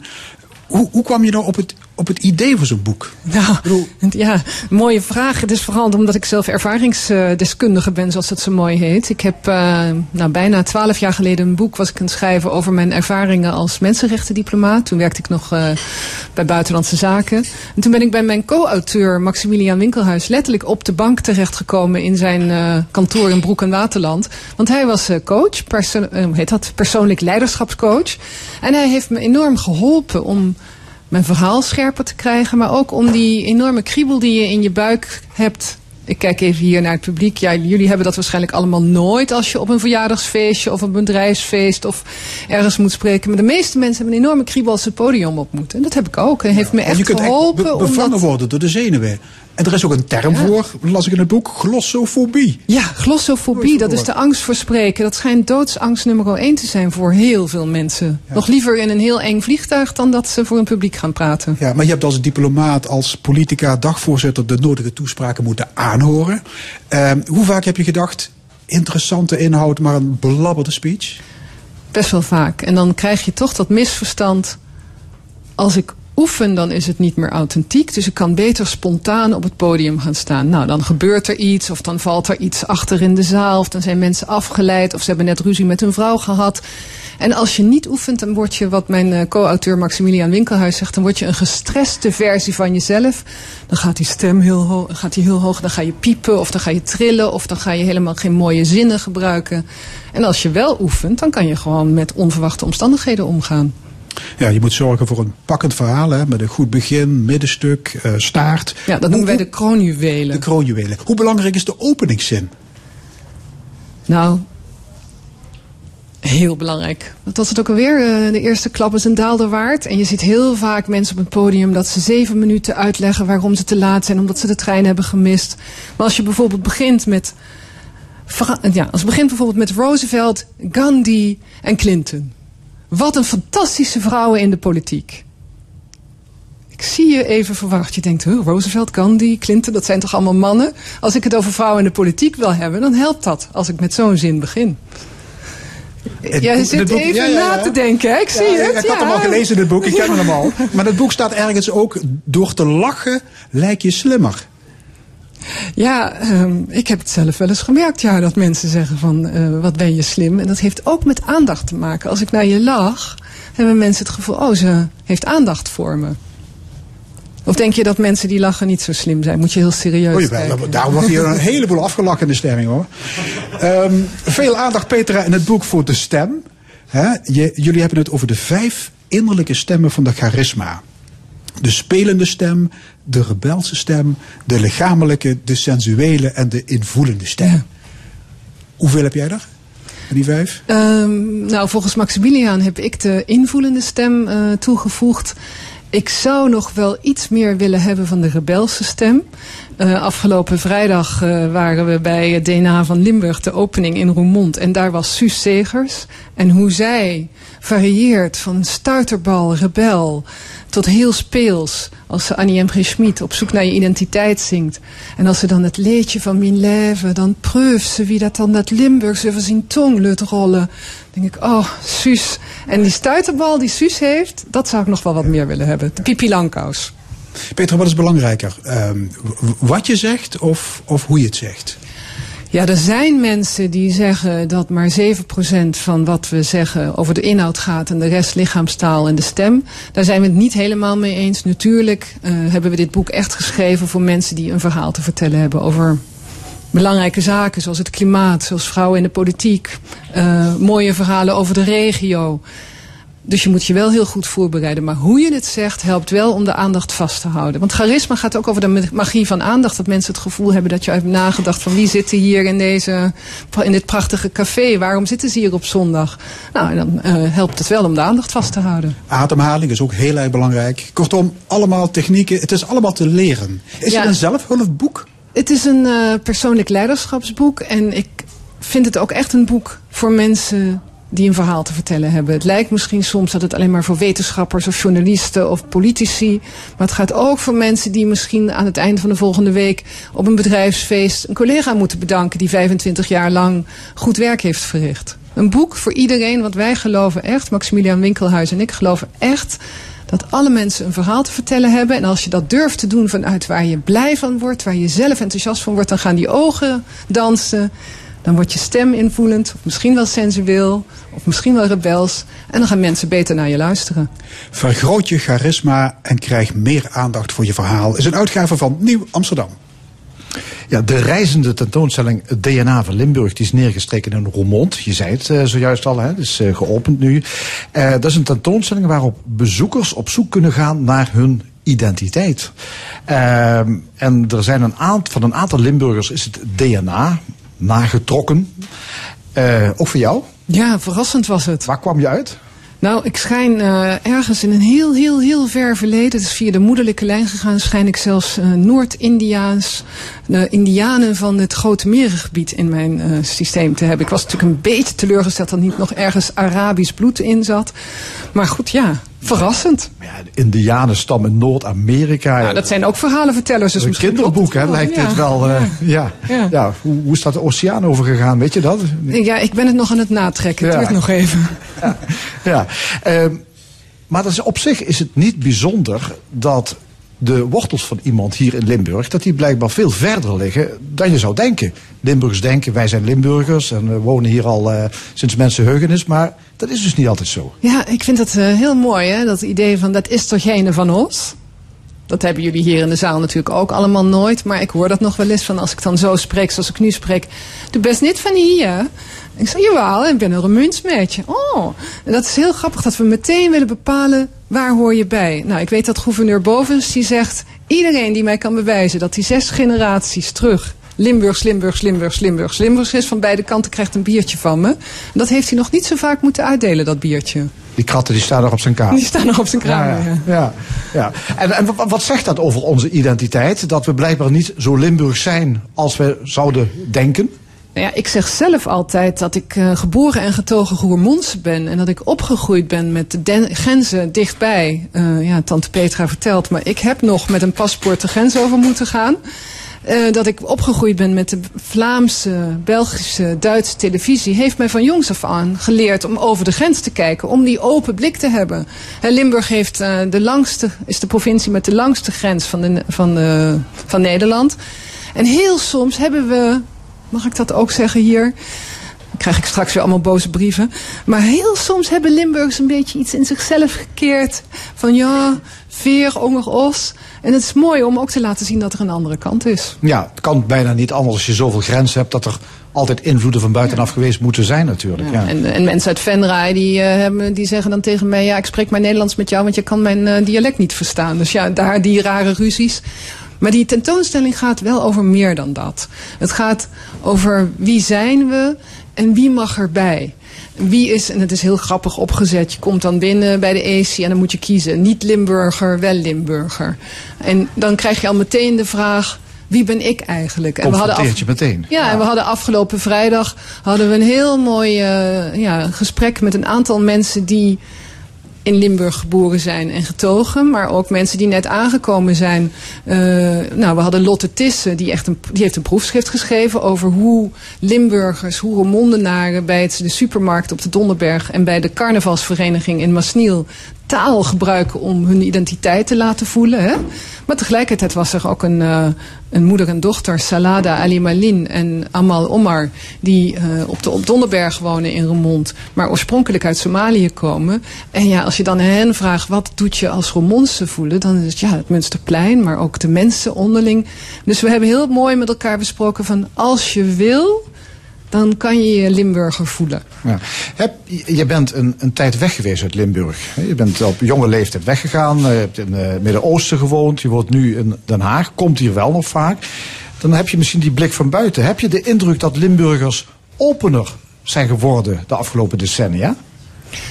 Ja, of misschien ben ik zelf ook weer nieuwsgieriger geworden naar mijn eigen wortels. Ze zeggen wel eens dat je heel ver moet reizen om erachter te komen dat de schat naast de voordeur ligt. Dus ik ben in elk geval zelf anders gaan kijken naar wat hier te vinden is. En dat is natuurlijk ook de nieuwsgierige aard van jonge mensen, dat je weg wil. Maar ik hoop echt dat de provincie en de verschillende steden en dorpen in de provincie erin slagen om jongeren meer het gevoel te geven. Jongeren, nieuwkomers, vrouwen, van hier, je mag hier blijven. En de verbindingen zijn natuurlijk heel anders. Ja, je hoopt het, maar je weet het dus niet zeker. Nou, ik merk wel bijvoorbeeld hier in Maastricht eh, dat die universiteit heel veel heeft gedaan. Mijn dochter studeert nu ook in Maastricht, die trouwens het omgekeerde meemaakt van wat ik heb meegemaakt. Want toen ik in Leiden ging studeren en alles chic vond je en hoje zei, begonnen ze hard te lachen en zij heeft nu een behoorlijk Haags accent. En dan zeggen ze, en ze heeft hier eh, Café Zuid heeft ze gewerkt, en dat mensen dan meteen het eerste zetten, ja, je bent niet van hier, hè? Dat dat toch mensen heel erg de behoefte hebben om het te benoemen. En zij is gewoon drie kwart Limburgs. Ja. Krijg je daar wel als opmerking over dat jij bent weggegaan en van, ik zal maar zeggen, vanuit Den Haag nu ook weer naar de Limburgse situatie kijkt en daarover, nou ja, eh, daarover iets te zeggen hebt? Ja, Eh, vooral heel positief, omdat mensen eh, in het komt, komt er vorige... eens eentje die is weggegaan en komt ons nou uitleggen hoe het in elkaar zit. Nou, heel soms mensen die een beetje jaloers zijn dat ze zelf niet hier achter de microfoon zitten. Maar ja, die moet u dan nog maar uitnodigen. Maar de meeste mensen vinden het eigenlijk heel positief. eh, dat ja, de wortels die ik heb, de taal, de cultuur, dat die veelzijdigheid en die open blik, dat ik dat ook gebruik in mijn werk als senator. Dat ik dat gebruik als schrijfster, dat het voor mij een inspiratiebron is. Eh, ik heb afgelopen eh, vrijdag Suus Segers geïnterviewd, eh, de zangeres Melik Roermond, die ook lang in de Randstad heeft gewoond en terug is gegaan omdat ze het gevoel had van thuiskomen. En ik vind het heel grappig dat mensen me heel vaak vragen van ja, maar waar voel je dan echt thuis? Maar waarom zou je moeten kiezen? We leven in de 21ste eeuw. Je kunt je tegelijkertijd heel erg geworteld voelen op een plek waar je geboren en getogen bent. Een open blik hebben op de rest van de wereld en heen en weer bewegen. Ook in Nederland. En ik vind het heel grappig altijd om te merken dat voor mensen in Den Haag, om mensen uit te nodigen uit Limburg om naar Den Haag te komen, dat is heel gebruikelijk. Maar gisteren had ik het ook weer met mensen. Ja, wat doe je daar toch de hele tijd in Limburg? Dat is zo ver weg. En ja, dat wil ik ook heel graag doorbreken. Dus ik laat het ook altijd op social media zien, eh, op Facebook, op eh, Instagram, dat ik hier naartoe ga. Het is 2,5 uur. Petra, je bent ook Eerste Kamerlid hè, voor D66. Eh, dinsdag Prinsjesdag. Ja. Heb je het hoedje al uitgezocht? Ja, en Ja? mijn hoedje is hier van Atelier Paulien. Hier, hier uit Maastricht. Het is een Limburgs heutje. Oké, we, gaan erop- we gaan erop letten. Heb jij de ambitie om, om een spraakmakend Eerste Kamerlid te worden? Ik refereer even aan het gesprek dat we er straks hadden met Bert van den Braak. Moet je keetrappen, hè? heb ik begrepen. Nou, ik heb, eh, we zijn net begonnen met eh, een nieuwe fractie. En eh, nou, je hoeft als Eerste Kamerlid niet echt campagne te voeren. Want je wordt natuurlijk niet rechtstreeks verkozen. Maar binnen mijn partij D66 is het wel van belang dat je nou, de leden laat zien wie je bent en wat je doet. En ik zei altijd, ik wil juist de Eerste Kamer dichtbij brengen. Je hebt een heel mooi eh, plafondschilderingen in de Eerste Kamer. En als je dan naar boven kijkt, het middelste plafond, het is een soort cartouche waar jonge kinderen naar beneden lijken te klimmen. Dat noemen ze de kinderen van de staat. En mijn ambitie is, elke dinsdag kijk ik naar boven, geef ik ze knipoog en zeg ik, voor jullie doe ik het. Ja. Maar goed, En als was dat niet helemaal antwoord op de vraag. Nou, als dat spraakmakend is, dan is dat zo spraakmakend. uitkomt, zou je dan tegen de partijlijn van jouw partij willen durven ingaan? Ja, en dat is denk ik een heel groot misverstand over waar je dat dan doet. We hebben in de vorige fractie hebben altijd heel open gesprekken gehad in de fractie. Kijk, als je bij de HEMA werkt, ik ben zelf vegetariër, dan is het ook heel raar om te zeggen, ik vind de worsten niks. Als je weet dat heel veel mensen die bij de HEMA komen die worsten zo fantastisch vinden. Natuurlijk zijn er dingen die ik in mijn eigen partij ter discussie stel, maar dat doe ik wel binnen mijn eigen partij. De en niet stem bewaar je voor binnen, binnen Absoluut. Ja. Eh, de Tweede Kamerfractie wil een quotum voor vrouwen in topfuncties. Hè, 13% vrouwen in de Raad van Bestuur, Raad van Commissarissen. Ben jij het daarmee eens? Ja, ik vind het een fantastisch initiatief van Vera Bergkamp. En dat is eigenlijk begonnen op een partijcongres een aantal jaren geleden. door een gemeenteraadslid uit Groningen, Wieke Paulusma. Die zag eigenlijk op allerlei plekken in de, in de maatschappij. Dat ze zichzelf niet terugzag. Dat ze ook voor haar kinderen niet zag dat vrouwen meedienen aan onze samenleving. Ja, ik zou eigenlijk het liefste de discussie omdraaien. Dat is wel mijn rebelse stem. Wordt het niet eens tijd voor een mannenquotum? Wanneer zijn er genoeg mannen in een raad van toezicht? Wanneer zijn er genoeg mannen in een raad van commissarissen? Is dat 70% 50% Is het een vriend van mij die vertelde dat hij een keer in een raad van toezicht zat van een heel groot bedrijf. Keek om zich heen, 12 mannen. En hij zei, geen vrouw. En zei, is dit nou normaal dat we hier allemaal op elkaar lijken? Denk je nou werkelijk dat we de beste beslissingen krijgen? En die vraag is volgens mij hier ook aan de orde. maar- waarom lukt dat niet op vrijwillige basis? Omdat mensen mensen aannemen die op henzelf lijken. En dat heel lang eh degene die de macht hadden, mannen waren. En die namen mannen aan uit het Old Boys Network. en Vera Bergkamp zegt, er is, een, er is een hamer nodig om de apenrots kapot te slaan. Met andere woorden, het zijn mannen die vrouwen met ambitie vernuiken, blokkeren. Ja, wat ik heel leuk vind tegenwoordig is dat eh, als mensen zeggen in het voetbal je speelt als een meisje, dat dat inmiddels een compliment is. En ik wil dan ook altijd de voetbalmetafoor gebruiken. Ik zeg altijd ja, als je elf linksbenige spitsen in een team zet, dan ga je die wedstrijd niet winnen. Hoe goed ze ook individueel zijn. Dus juist een heel divers team waar andere meningen mogen zijn, waar je binnenshuis elkaar durft aan te spreken, waarin je met elkaar die verschillen onderschrijft, dan wordt het gewoon beter. En daarom denk ik dat we eerst even een tijdelijk quotum in moeten stellen. En dan denk ik dat het voor iedereen in Nederland beter gaat worden. Ander spraakmakend nieuws uit de koker van D66 deze week. Halvering van de veestapel. Eh, argument, Nederland is een postzegel waarop veel te veel kippen, varkens en geiten worden gehouden. Mee eens? Ik vind het heel erg belangrijk dat we nu kijken naar wat betekent de natuur voor ons. We leven in een land wat heel klein is. Hier in Limburg, dat is één, de luchtvervuiling is hier gigantisch. We moeten scherpe keuzes gaan stemmen, stellen. We moeten scherpe keuzes gaan stellen. Als we willen dat onze jonge mensen kunnen wonen, als we schone lucht willen, dan moeten we ook kijken wat moeten we wel niet meer doen. En ik denk dat die hele grootschalige veeteelt op termijn niet meer haalbaar is. De LLTB is verbijsterd. Want uw partij stoot duizenden boerengezinnen het brood uit de mond. En u brengt de Limburgse economie aan het wankelen. Wat vindt u daarvan? Nou ja, de veeteelt, eh, de grootschalige veeteelt zorgt voor 1% van onze economie. En we hebben natuurlijk alle begrip voor de individuele boeren. En ik vind ook dat Cheer te groot, onze woordvoerder hierop. Hij komt zelf uit een boerengezin. Nou, hij is de eerste persoon die zegt, je moet dit met boeren samen doen. We moeten landbouw hebben die, die Eh, de kringlooplandbouw is echt voor op termijn veel duurzamer dan waar we nu mee bezig zijn. Maar dat moet je natuurlijk niet op één dag doen. dat CDA en VVD helemaal geen voorstander zijn van halvering van de veestapel. Dus wat is dit dan voor een spel? Nou ja, soms eh, moet je even een knuppel in een hoenderhok gooien en dan gebeurt er wat. Uh, Tjeer te Groot heeft duidelijk de rebelse stem. En ja, soms vinden andere mensen dat niet zo fijn, maar ik weet wel waar die vandaan komt. We moeten scherpe keuzes maken. Dames en heren, de economie kan niet zonder de natuur, die, kan, die heeft de natuur nodig. Dit land is zo klein. Als we onze natuur niet koesteren, dan hebben we straks geen vlinders meer, geen vogels meer, geen wespen meer. En wat hebben we dan nog? Petra Stienen, hartelijk dank. Graag en gedaan. veel succes dinsdag, Prinsjesdag. Dankjewel. Fijne zondag. We gaan luisteren weer naar het duo Horry Konsten en Olaf Reinders. Maar niet voordat ik u nog attendeer op ons programma Blaaskracht Concert. Vanaf 7 uur vanavond op L1 Radio met daarin ook muziek van componist Horry Konsten. Nu gaan we luisteren naar Stay In.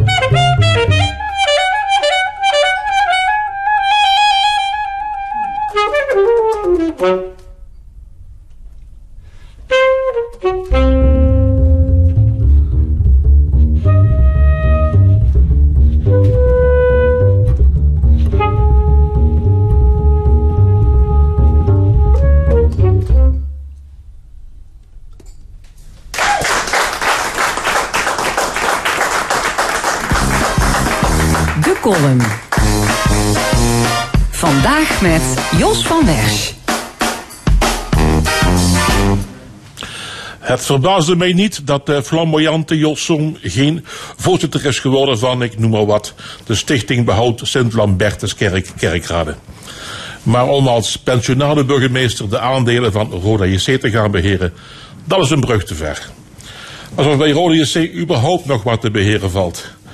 Jos doet dat beheren eh, samen met drie Spanjaarden van onbesproken gedrag.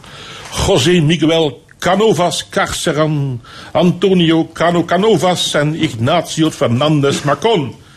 Hieruit de Godfather, deel 1, 2 en 3. José Som dus als boezemvriend van Garcia de la Vega. De Mexicaanse weldoener die weer een nieuwe list heeft bedacht. Hij wil de naam van het Parkstad Limburgstadion verpatsen aan een Duitse handelaar in bitcoins en erectiepillen. Je ruikt Scarface. Nog meer crime. In de ambtswoning van de burgemeester van Amsterdam is een vuurwapen opgedoken. Femke Halsema deed het eerder alles een kermispistooltje. Dus nu zijn de rapen gaar in Slans hoofdstad was het dagelijks 4 kilo cocaïne in de neus stoppen, omdat je er zo lekker van gaat dansen. Je zal maar een vent hebben, en Femke heeft zo'n vent, die in de NRC twee pagina's lang de vuile was over je gezin buiten hangt. Hij heeft zijn achternaam Oei, en daar is niks te veel mee gezegd. Oei, zei ook Annemarie Pente Straken, nu ze in één adem wordt genoemd met haar gesneuvelde voorgangers Leers en Hoes. Of er een derde graf moet worden gedolven op het burgemeesterskerkhof in Maastricht, horen we pas later dit jaar als staat de uitkomst uiteraard al vast. Annemarie was dan wel heel dom, zal de onderzoekscommissie concluderen, maar zij mag desondanks aanblijven. Zij het voortaan als aangeschoten wild. Want de finest hours van Annemarie als burgemeester liggen uitsluitend achter haar. Denk aan haar one-woman show toen Giro-winnaar Tom Dumoulin uit de markt in Maastricht werd gehuldigd. Of aan haar meesterlijke Trump-imitatie You have Johnny Cash, we have Baby Cash. Nou Annemarie, jij weet er alles ook wel raad mee. Want je hebt intussen de halve binnenstad van Maastricht opgekocht. Ter geruststelling, het MEC gaat ze niet kopen, want oude meuk. De megalomane dictators van het Eurovisie Songfestival verleken het MEC met een afstands patronaatsgebouw, waar je hooguit nog de 11e van de 11e kunt houden. Ik hou veel van deze stad. Soms moet ik bijna huilen. Zo mooi vind ik Maastricht, tetterde Annemarie verleden maand in de Telegraaf. De vraag is of Maastricht nog van Annemarie houdt.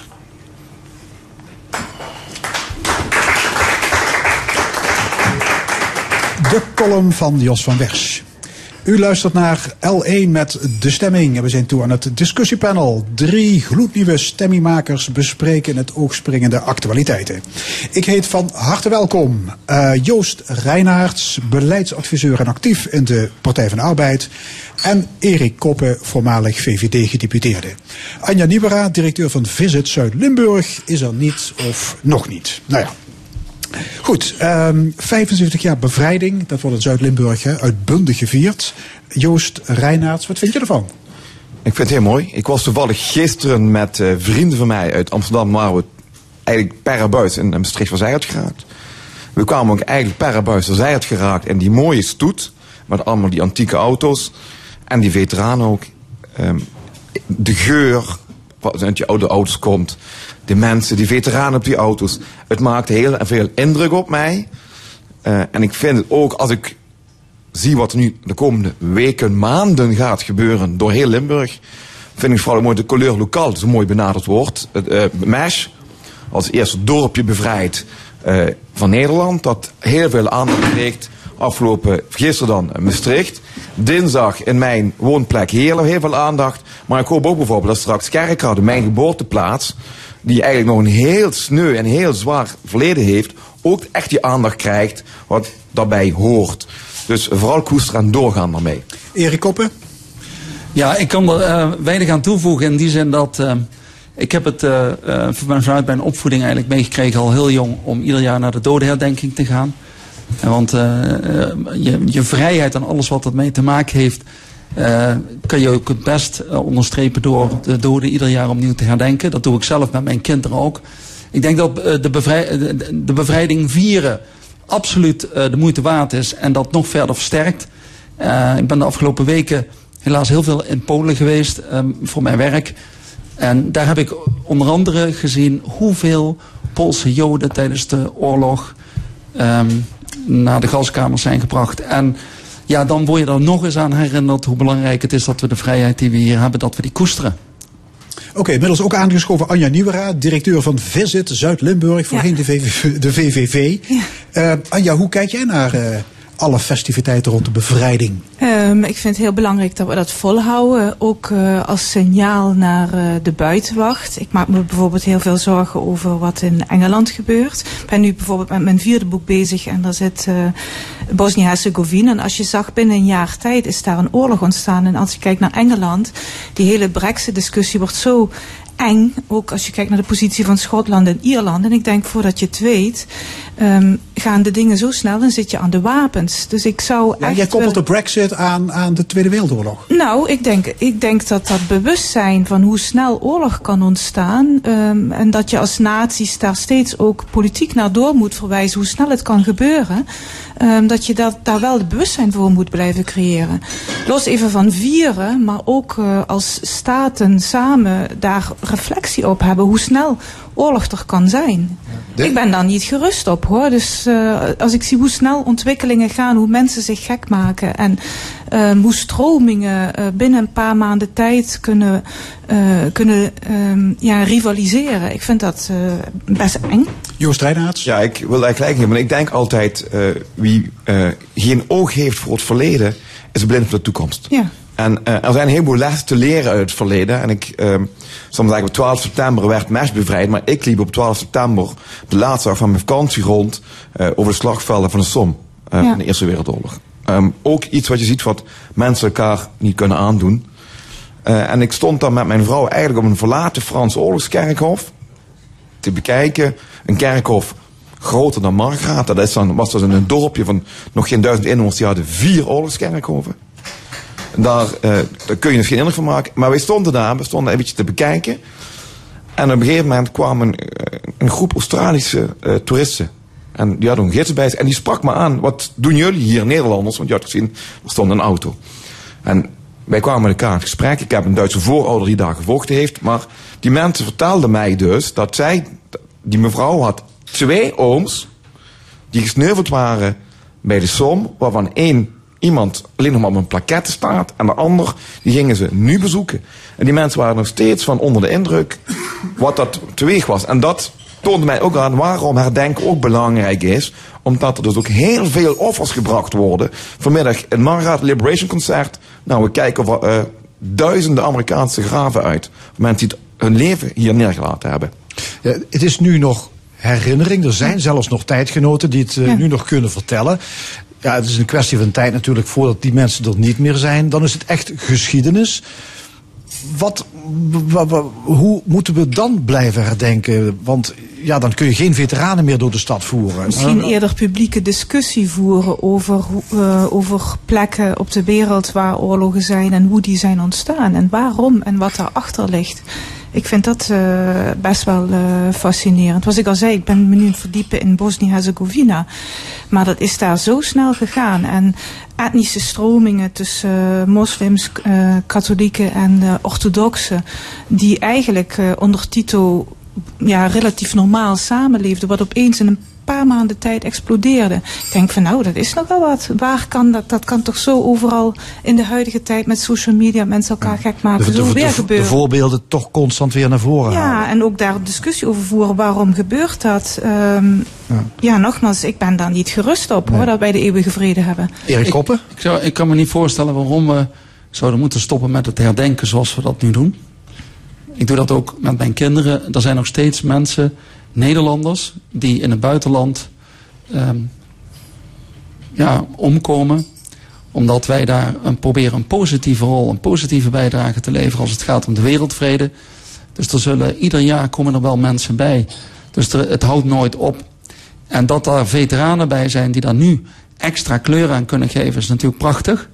Maar ook in de toekomst zullen er veteranen blijven die de meest vreselijke oorlogen vanuit Nederland, met inzet vanuit Nederland, hebben meegemaakt. En misschien tot slot ook nog eigenlijk wel, want ik moest denken aan Juncker. Ik heb het ooit eens gelezen. Dat wil jij weten waarom wij dus vanaf 1945 bepaalde keuzes gemaakt hebben over samenwerken met elkaar te bestrijden. Als je daarover nadenkt of twijfelt, ga gewoon een keer kijken op Margraten. En ben een minuut stilte en bedenk dat en weet dan waarom wij gekozen hebben voor samenwerken in plaats van elkaar te bevechten. Ja, nou ja, een, een, een goed voorbeeld van eh, wat vrijheid ook betekent is dat we hier aan deze tafel zitten en over alle onderwerpen waar we het over willen hebben, o- over kunnen hebben. Ehm, iets heel anders dan. Eh, D66 wil de Nederlandse veestapel halveren. Daarmee zou de stikstofuitstoot fors omlaag gaan. En dat is weer nodig omdat heel veel bouwprojecten nu niet uitgevoerd kunnen worden. Nederland op slot, vraagteken. Eh, wat vinden jullie? Is het een idee om de varkens- en de kippenboeren inderdaad eh, om die aan te gaan pakken. Te belachelijk voor woorden, zou ik zeggen. Erik Koppen. En echt om meerdere redenen. Gewoon als je gewoon naar de feiten kijkt. Wij hebben de beste boeren ter wereld. Dat wordt wel eens vergeten. We hebben de meest innovatieve boeren ter wereld. En we hebben een voorbeeldfunctie in de wereld als het gaat. Heel veel landen komen in Nederland kijken hoe wij omgaan met ons, eh, met ons land. Met de natuur en, met het landbouwareaal.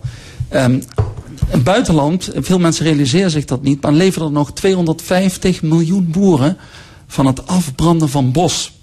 Omdat ze niet beter weten. Toen in de jaren 70 800 Nederlandse boeren naar Brazilië wilden emigreren, eh, toen eh, heeft Greenpeace actie gevoerd. Maar dat kon toch niet, want dat zou ten koste gaan van de Amazonas. Maar onze boeren zouden in de Amazonas nooit bosbranden stichten om dan vervolgens op een totaal verkeerde manier de grond te gaan gebruiken, zodat er in een paar jaar niks meer van overblijft. Dus we hebben een voorbeeldfunctie. En wat het nog veel erger maakt, wat D66 doet, en mijn, mijn dochter zei vanmorgen, dat is dan een veelgebruikte uitdrukking van de, de man is blijkbaar te dom om te poepen. Ehm, maar, maar dat is wel zo, want je moet alle feiten in acht nemen. En een belangrijk feit is dat in Limburg meer dan 50% van alles wat in de lucht zit uit het buitenland komt. Wij zitten, welke van waar de wind ook vandaan komt, of die nou uit het noorden komt van de Randstad, of vanuit Londen, of vanuit Antwerpen, vanuit het westen, of vanuit het zuiden, vanuit uh, Luik, of vanuit het Roergebied. Alles valt neer in Limburg. En dat zie je ook aan de Europese kaart. Dus, maar wat nog veel belangrijker is, de helft halveren in Nederland, dat is wel de helft van de productie weghalen van vlees, maar daarmee neemt de vraag niet af. Dat betekent dus dat die vlees wat niet meer in Nederland geproduceerd wordt, in het buitenland moet worden geproduceerd door boeren die veel minder goed met de natuur omgaan dan in Nederland. Volstrekt verkeerde manier om in Nederland uh, echt iets te doen voor de natuur. Wie wil reageren? Hoi. Uh, Jos Reinaert, ja, PvdA. Um, dank voor het betoog, Erik. Uh, leerzaam, helder ook. Ik kan op heel veel punten ook aan hem vinden. Maar wat ik wel, ik ben wel voorstander wij dus landbouw wel innovatief blijven. En in die innovatie ook zoeken naar steeds een betere oplossing. Ook voor onze lucht, ook voor stikstof. Ja, maar, de, maar de vraag is, moeten we nou die, de, de kippen en, uh, en varkens, moeten we dat nou, gaan ben, halveren? Ik ben zelf geen, halveren vind ik een groot woord vind ik, ben ik ook echt niet expert genoeg om daarheen te zeggen. Maar ik ben wel een tegenstander van megastallen. Ik ben wel eens Nederweert en Noord-Limburg geweest vanuit de Partij van de Arbeid uitgenodigd. Nou, ik moet zeggen, ik zou er niet blij mee zijn als ze zo'n megastal in mijn tuin zouden bouwen. Dus daar mogen we wel kritisch op zijn. Wat ik wel met Erik ook eens ben, is dat wij natuurlijk met z'n allen een enorme hoeveelheid vlees consumeren. En dat daar dus de mensen ook gaan maken en creëren, dieren gaan houden. En dat als wij die hier de vleestapel halveren, dat, ik ben het niet met Bolsonaro eens, maar als dat Bolsonaro zegt, ja, ik moet oermout afvikken, omdat, uh, ja, mijn runderen plaats moeten hebben. Dus, het is een heel heikel evenwicht. Ja, nou ja, ik begrijp het niet helemaal. Ben je nou wel of voor, uh, wel of tegen?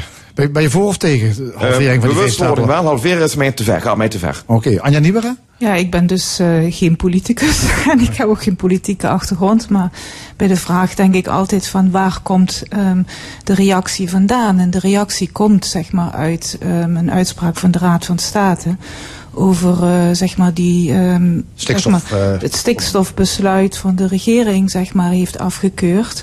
En wat mij en dat uh, stikstofbesluit komt natuurlijk uit uh, een, um, een langere geschiedenis dat wij als land um, um, ja, zeg maar te veel stikstof produceren. Er zijn afspraken internationaal over gemaakt. En um, wat mij verwonderde als willekeurige burger, hè, ik lees de krant, ik zit niet zoals jullie in die discussies, hè, ik krijg andere informatie. Dan denk ik, goh, een procedure bij de Raad van State duurt meerdere jaren. Hoe kan het dat iedereen dan nu zo verrast is over uh, wat de gevolgen zijn, hè, politiek? En dat de eerste primaire reactie vooral is van, goh, laten we listen verzinnen, laten we juridische oplossingen zoeken. En dan denk ik, ja, maar daar zit het probleem niet. Je zult moeten naar de wortel van, eh, van het geheel gaan en kijken van hoe kunnen wij als samenleving, zeg maar, een beweging tot stand brengen, een transitie naar ehm, een andere manier van, van economisch, sociaal functioneren. En, en die discussie hè, mis ik dan. En Je moet het ik- probleem bij de oorzaak, bij de wortel aanpakken. nou ja, goed. ehm, dat, dat was dan als willekeurige burger. Nogmaals, ik heb niet de informatie politiek van beide heren. Hè. Ik krijg geen rapporten. Ik, ik zit alleen aan de kant en lees eh, eh, media, zoals jullie. Dus als willekeurige burger is, was dat de gedachte die bij mij komt. Oké, een raad van state spreekt iets uit en we moeten listen verzinnen en juridisch, juridisch daarop reageren. En ik denk, nee, eh, je zult toch in je, als samenleving daarover een beweging moeten brengen. En daar, wat ik verwacht had eerder is vragen aan de bouw, aan de landbouw, aan de transport van geachte eh, leden van de samenleving. Hoe eh, willen jullie meedenken in de oplossing daarvan? Dat Ja. had ik eerder verwacht. Ja, maar verkleining van die veestapel was lang onbespreekbaar. Ja. Eh, ook in Den Haag. Is er iets aan het schuiven? Ja, Erik Koppen die, die zegt het is... eh, oh, hè, ja, je, was, je was heel duidelijk. Maar is, is, gaat er iets bewegen? Gaat er iets schuiven? Nou nee, dat schuift niet, niet ten gevolge daarvan, van die proefballon. Denk ik. Ehm, maar er is al langer aan het schuiven. Kijk, wij, wij willen met z'n allen willen we, eh, een belangrijke bijdrage leveren aan die hele transitie. Maar dat, dat gaat niet van de een op de andere dag. En je ziet ook dat dat leidt tot heel veel weerstand bij de bevolking. Als de rekening vervolgens meteen maar bij de bevolking wordt neergelegd. Ehm, dus daar wordt al heel lang over gepraat en dat gaat stapje voor stapje. Maar wij lopen als Nederland wel voorop in Europa. Laten we dat niet vergeten. Is, wij, is dat wel zo? Dat, dat Nou, zeggen wij zelf vooral altijd. Ja, maar ja. Dat, dat is zo. Wij hebben, be- om een voorbeeld te geven, wij hebben op een relatief klein landje 150.000 elektrische auto's. We zijn het tweede land in Europa achter Noorwegen. Ja, volgens mij zijn we in allerlei staatjes ook, eh, staan we bijna onderaan met Luxemburg en Malta. Ik kom net terug uit. Polen, daar rijden 22 miljoen dieselauto's rond. En daar, zijn, daar wordt 85% van de energie opgewekt uit kolencentrales. Er is nog zoveel te verbeteren in Europa en de landen om ons heen. Daarmee zeg ik niet dat wij niet vooruit moeten willen. Maar we moeten oppassen dat we onze mensen, onze boeren niet kapot maken. Met het idee dat wij het beter willen doen dan de rest van de wereld. Ja, ik vind wel dat we een samenleving zijn met heel veel verschillende facetten. De burger, de boer, de politici, ehm, bedrijfsleven. Dit is een, zeg maar zeggen, wel een heel gevoelig evenwicht waar je kan mee moet bewandelen. En ik vind wel natuurlijk wel dat als ieder steentje wat bijgedragen kan worden, ook door boeren, moet gedaan worden. Ja, twee weken geleden zat Ja. hier landbouwgedeputeerde Hubert Makkes. Zelf geen voorstander van verkleining van de veestapel. Maar die zei, het gaat gebeuren. Hoe dan ook. De maatschappelijke druk wordt zo groot, daar is niet aan te ontkomen. Ik denk eerder dat eh, je gaat zien met en met dat steeds meer mensen minder vlees gaan eten. Of ander vlees. Kijk, die, het hele plofkip gebeuren heeft je toch duidelijk gemaakt dat er wel degelijk mogelijk is dat er in de mindset van mensen eh, veranderingen komen. Eh, maar laatst zei iemand tegen mij van goh, realiseer je je wel dat wij Albert Heijn eten. En daar zit ook, denk ik, een Albert Heijn, dat bedoel ik mee, een grote multinational, een speler die eigenlijk eh, dominant is op het functioneren van ehm, vele bedrijfstakken, in dit geval de landbouw. Het zijn uiteindelijk de Campina's en de Albert Heijns van deze aarde die onze boeren op een bepaalde manier onder druk zetten om te kiezen voor een productiemethode eh, waar zij, zeg maar, eh, die leidt uiteindelijk tot, als de beelden komen, tot weerstand bij, bij de bevolking en dit soort discussies. En ik denk dat je hè, als overheid, ehm, hè, nogmaals als eh, eh, ja, belangeloze burger kijkend, eh, dat je eerder zou moeten kijken van nou, hoe gaan we nou eens om met de macht van de Shells en de, en de Albert Heijns en al die multinationals, die in wezen de samenlevingen van, van ons, maar ook België, Frankrijk, Duitsland, op een bepaalde manier manipuleren. En die in, waar in wezen het rendement van de aandeelhouder eh, prioritair is. Ja, En die discussie, die hoor ik dan Nee, eh, de niet Laatste opmerking, eh, Erik Koppen. Ja, ik denk nogmaals, wij moeten terug naar de vraag. Wij moeten de mensen beïnvloeden, want dat is de beste manier om minder vlees te, eh, te consumeren. En we moeten duidelijk maken dat eh, beter vlees, wat onder betere omstandigheden, ook voor de natuur, wordt gekweekt, dat je daar ook iets meer voor moet willen betalen. En dan kunnen die multinationals doen wat ze willen. Maar als de mensen het niet meer kopen, dan zullen ook die multinationals om moeten. Nou ja, maar het heeft lang geduurd voordat we van de sigaret af waren. Hè? Ehm, dus de macht van dat soort partijen mag je niet onderschatten. En daar zal ook, denk ik, heeft een, een, een ja, schat ik in. Hè? Ik ken Den Haag onvoldoende, maar zal, heeft een overheid wel een rol om hun ehm, ook in het gareel te houden daarin. Maar goed, nogmaals, ik heb niet jullie informatie. We gaan naar een andere actualiteit. Salafistische moskeescholen zijn in opspraak. Kinderen wordt geleerd dat eh, homoseksualiteit zondig is, dat ongelovigen de doodstraf verdienen, dat jongens en meisjes geen oogcontact mogen maken en ga zo maar door. Wat vinden jullie? Joost Reinaerts. Ja, wat vind ik daarvan? Dat mogen helder zijn.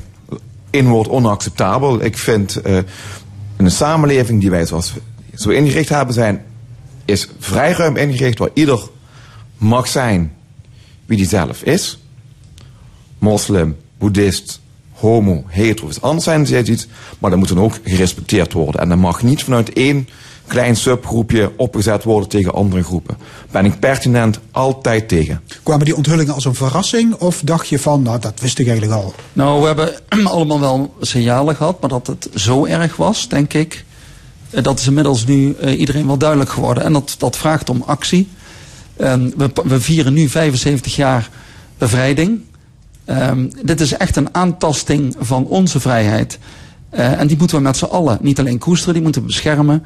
En dat betekent dat we hier kei en keihard tegen moeten optreden. Ja, kinderen wordt uh, geleerd om niet om te gaan met ongelovigen. Ja, in feite is het een oproep om, om niet te integreren in Nederland. Ja, dat is ook zo. En, en daarbij wordt iedereen die democratisch en zich houdt aan de democratie in Nederland en houdt aan de wetten van Nederland, uh, ge, ja, eigenlijk aangewezen, beschouwd als zijnde niet gelovig. Ja, ja dan maar... is überhaupt ook de vraag eigenlijk. Um, ik heb een tijd geleden een Groene Amsterdammer, een zomereditie, daar stond een, uh, een heel mooi interview in tussen een meisje van 17, gereformeerd. En zij had dus van opdracht contact gezocht met Mehmet, 44 in Amsterdam. En eigenlijk ging daar het gesprek over, ik ben gelovig christen en jij bent moslim. En daar kwam een heel mooi gesprek uit voort. En eigenlijk, toen ik dat las, had ik best wel een beetje weer opgeleefd. Denk, we kunnen toch samenleven met respect over weer, ook als geloven. Maar toen ik dit las, en ik ook Marcouch, mijn partijgenoot op televisie zag bij Nieuwsuur, die vanaf 2004 waarschuwt voor deze extreme uitwassen binnen uh, dat geloof, de moslims, ook zelf uh, daar echt een strijd intern gevoerd wordt, vond ik het toch wel weer heel akelig. Ik denk, daar worden mensen echt opgezet of afgezet tegen de samenleving. Ik vind dat gewoon akelig en ook ja. naar trouwens. Ook in Limburg hè, wordt salafistisch onderwijs gegeven in Roermond, Geleen, Brunsum en Maastricht. En bovendien is de invloed van salafisten op het islamitisch onderwijs groeiende. Uh, ja, de Marokkaanse raad, weet dat? Nee, de raad van Marokkaanse moskeeën zegt het is vijf voor twaalf. Erik, jij zei net het is tijd voor actie. Anja, mee ja, eens? Goed, moet, moet de overheid ingrijpen? Uh, kijk, op het moment je hebt, dan, dan kom je toch uh, aan de Nederlandse grondwet, voor zover ik daarover geïnformeerd heb. Want volgens mij zit uh, vrijheid van onderwijs is volgens mij iets wat in de grondwet staat. Artikel 23. Ja.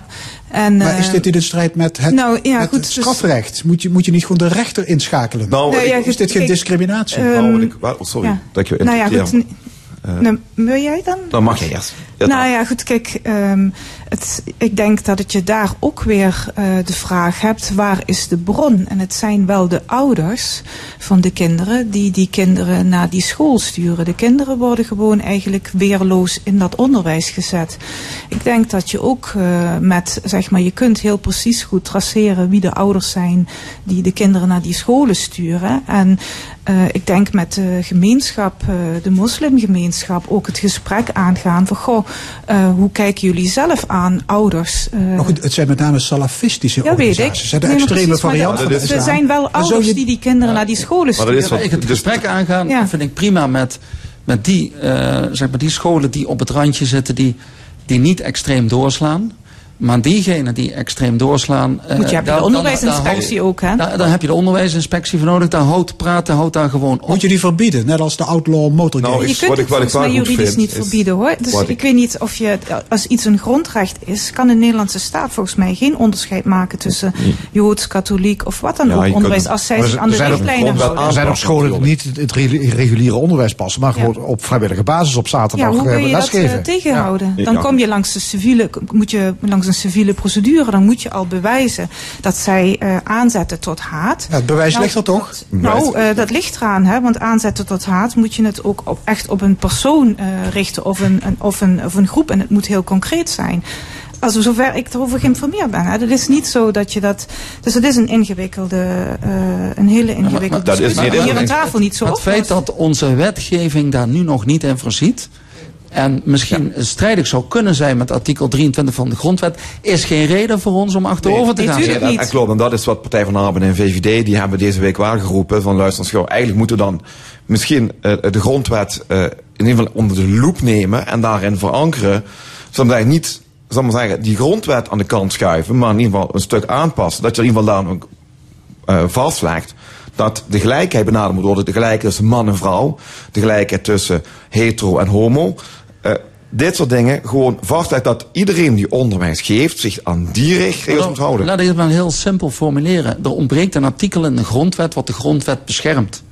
Ja. En alles wat probeert om ons demografisch gestel te ondergraven, alles wat eh, strijdig is met eigenlijk met onze samenleving, dat eh, ondergraaft de grondwet. En dat dus moet alleen maar een eh, beschermend artikel komen voor de grondwet volgens mij.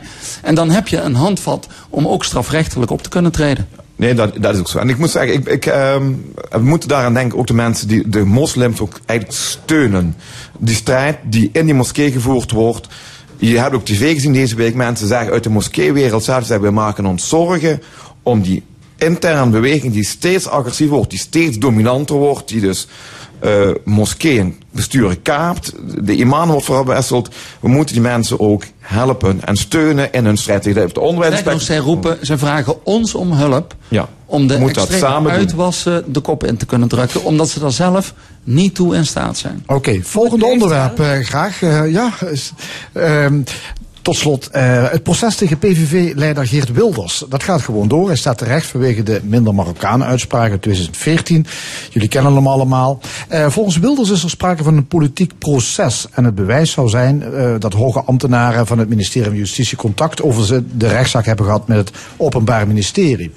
Heeft Wilders een punt? Is het een politiek proces? Aangezien die ambtenaren blijkbaar ingefluisterd hebben aan de officier van justitie. Nee, kijk, kijk, ik snap dat best. Het is heel slim. Eh, hij probeert zelf in de slachtofferrol te komen. Laten we niet vergeten dat die uitspraken zijn gedaan. Dat Nederland in opstand is gekomen. Driekwart van de mensen die uitspraken af heeft gewezen. Dat mensen uit de PVV zelf zijn gaan lopen omdat ze zich daar niet mee konden verenigen. En ik snap dat hij er alles aan doet om uit de wind te komen en zich nu zelf een soort, tot een soort slachtofferrol toe te bedelen. Ehm, daar moeten we met z'n allen niet in trappen. Ik heb zelf als gedeputeerde met het Openbaar Ministerie mogen samenwerken. Als politicus, welke manier dan ook, eh, het Openbaar Ministerie staat open voor argumenten van iedereen, maar maakt haar eigen afwegingen. Het is een, volgens mij een illusie en het zou een, slecht zijn in Nederland als de politiek eh, op deze manier, wat nu geïnsinueerd wordt, het OM zou dwingen om vervolging in te stellen. Ja, Joost Reinaerts? Ja, ehm, Nederland heeft een trias politica. Jij refereert daar al een beetje eigenlijk indirect aan. En we hebben niet voor niets een scheiding tussen eh, politiek en, en juridische zaken. Vooral justitie, ja. Maar, maar dus die ambtenaren die het Openbaar Ministerie ingefluisterd hebben. Nou, ik vind dus allereerst dat er een politiek debat pas moet gevoerd worden nadat een uitspraak gekomen is. Dus wat dat betreft ben ik het met, van de handen met de coalitie wel eens. Dus daar hoor ik natuurlijk van, daar ben ik partijkleur niet bij. Maar eh, wat er verder gebeurt is, ja goed, eh, ambtenaren met officier van justitie praten. Het schuurt wel, maar ik neem dat officier van justitie zelf in staat is een afweging aan te maken. En daarbij komt ook nog eens eigenlijk dat een populist als Geert Wilders, ik noem maar even zo, ook heel graag de trias politica naar eigen inzicht ook wel eens wil inzetten natuurlijk. Oké, hartelijk dank. Discussiepanel vandaag met Anja Nieuwira, Joost Reinaerts en Erik Koppen. En dit was de stemming. Vandaag gemaakt door Erwin Jacob, Edwin Maas, Joelle Tilly, Fons Geraas en Frank Ruber. Graag tot volgende week. Dan wederom hier vanuit Café Forum in Maastricht. Dan met muziek van Positive Energy. Dit programma wordt herhaald maandagavond om 8 uur. En is ook terug te luisteren op onze site l1.nl en via podcast. Ik wens u nog een mooie zondag.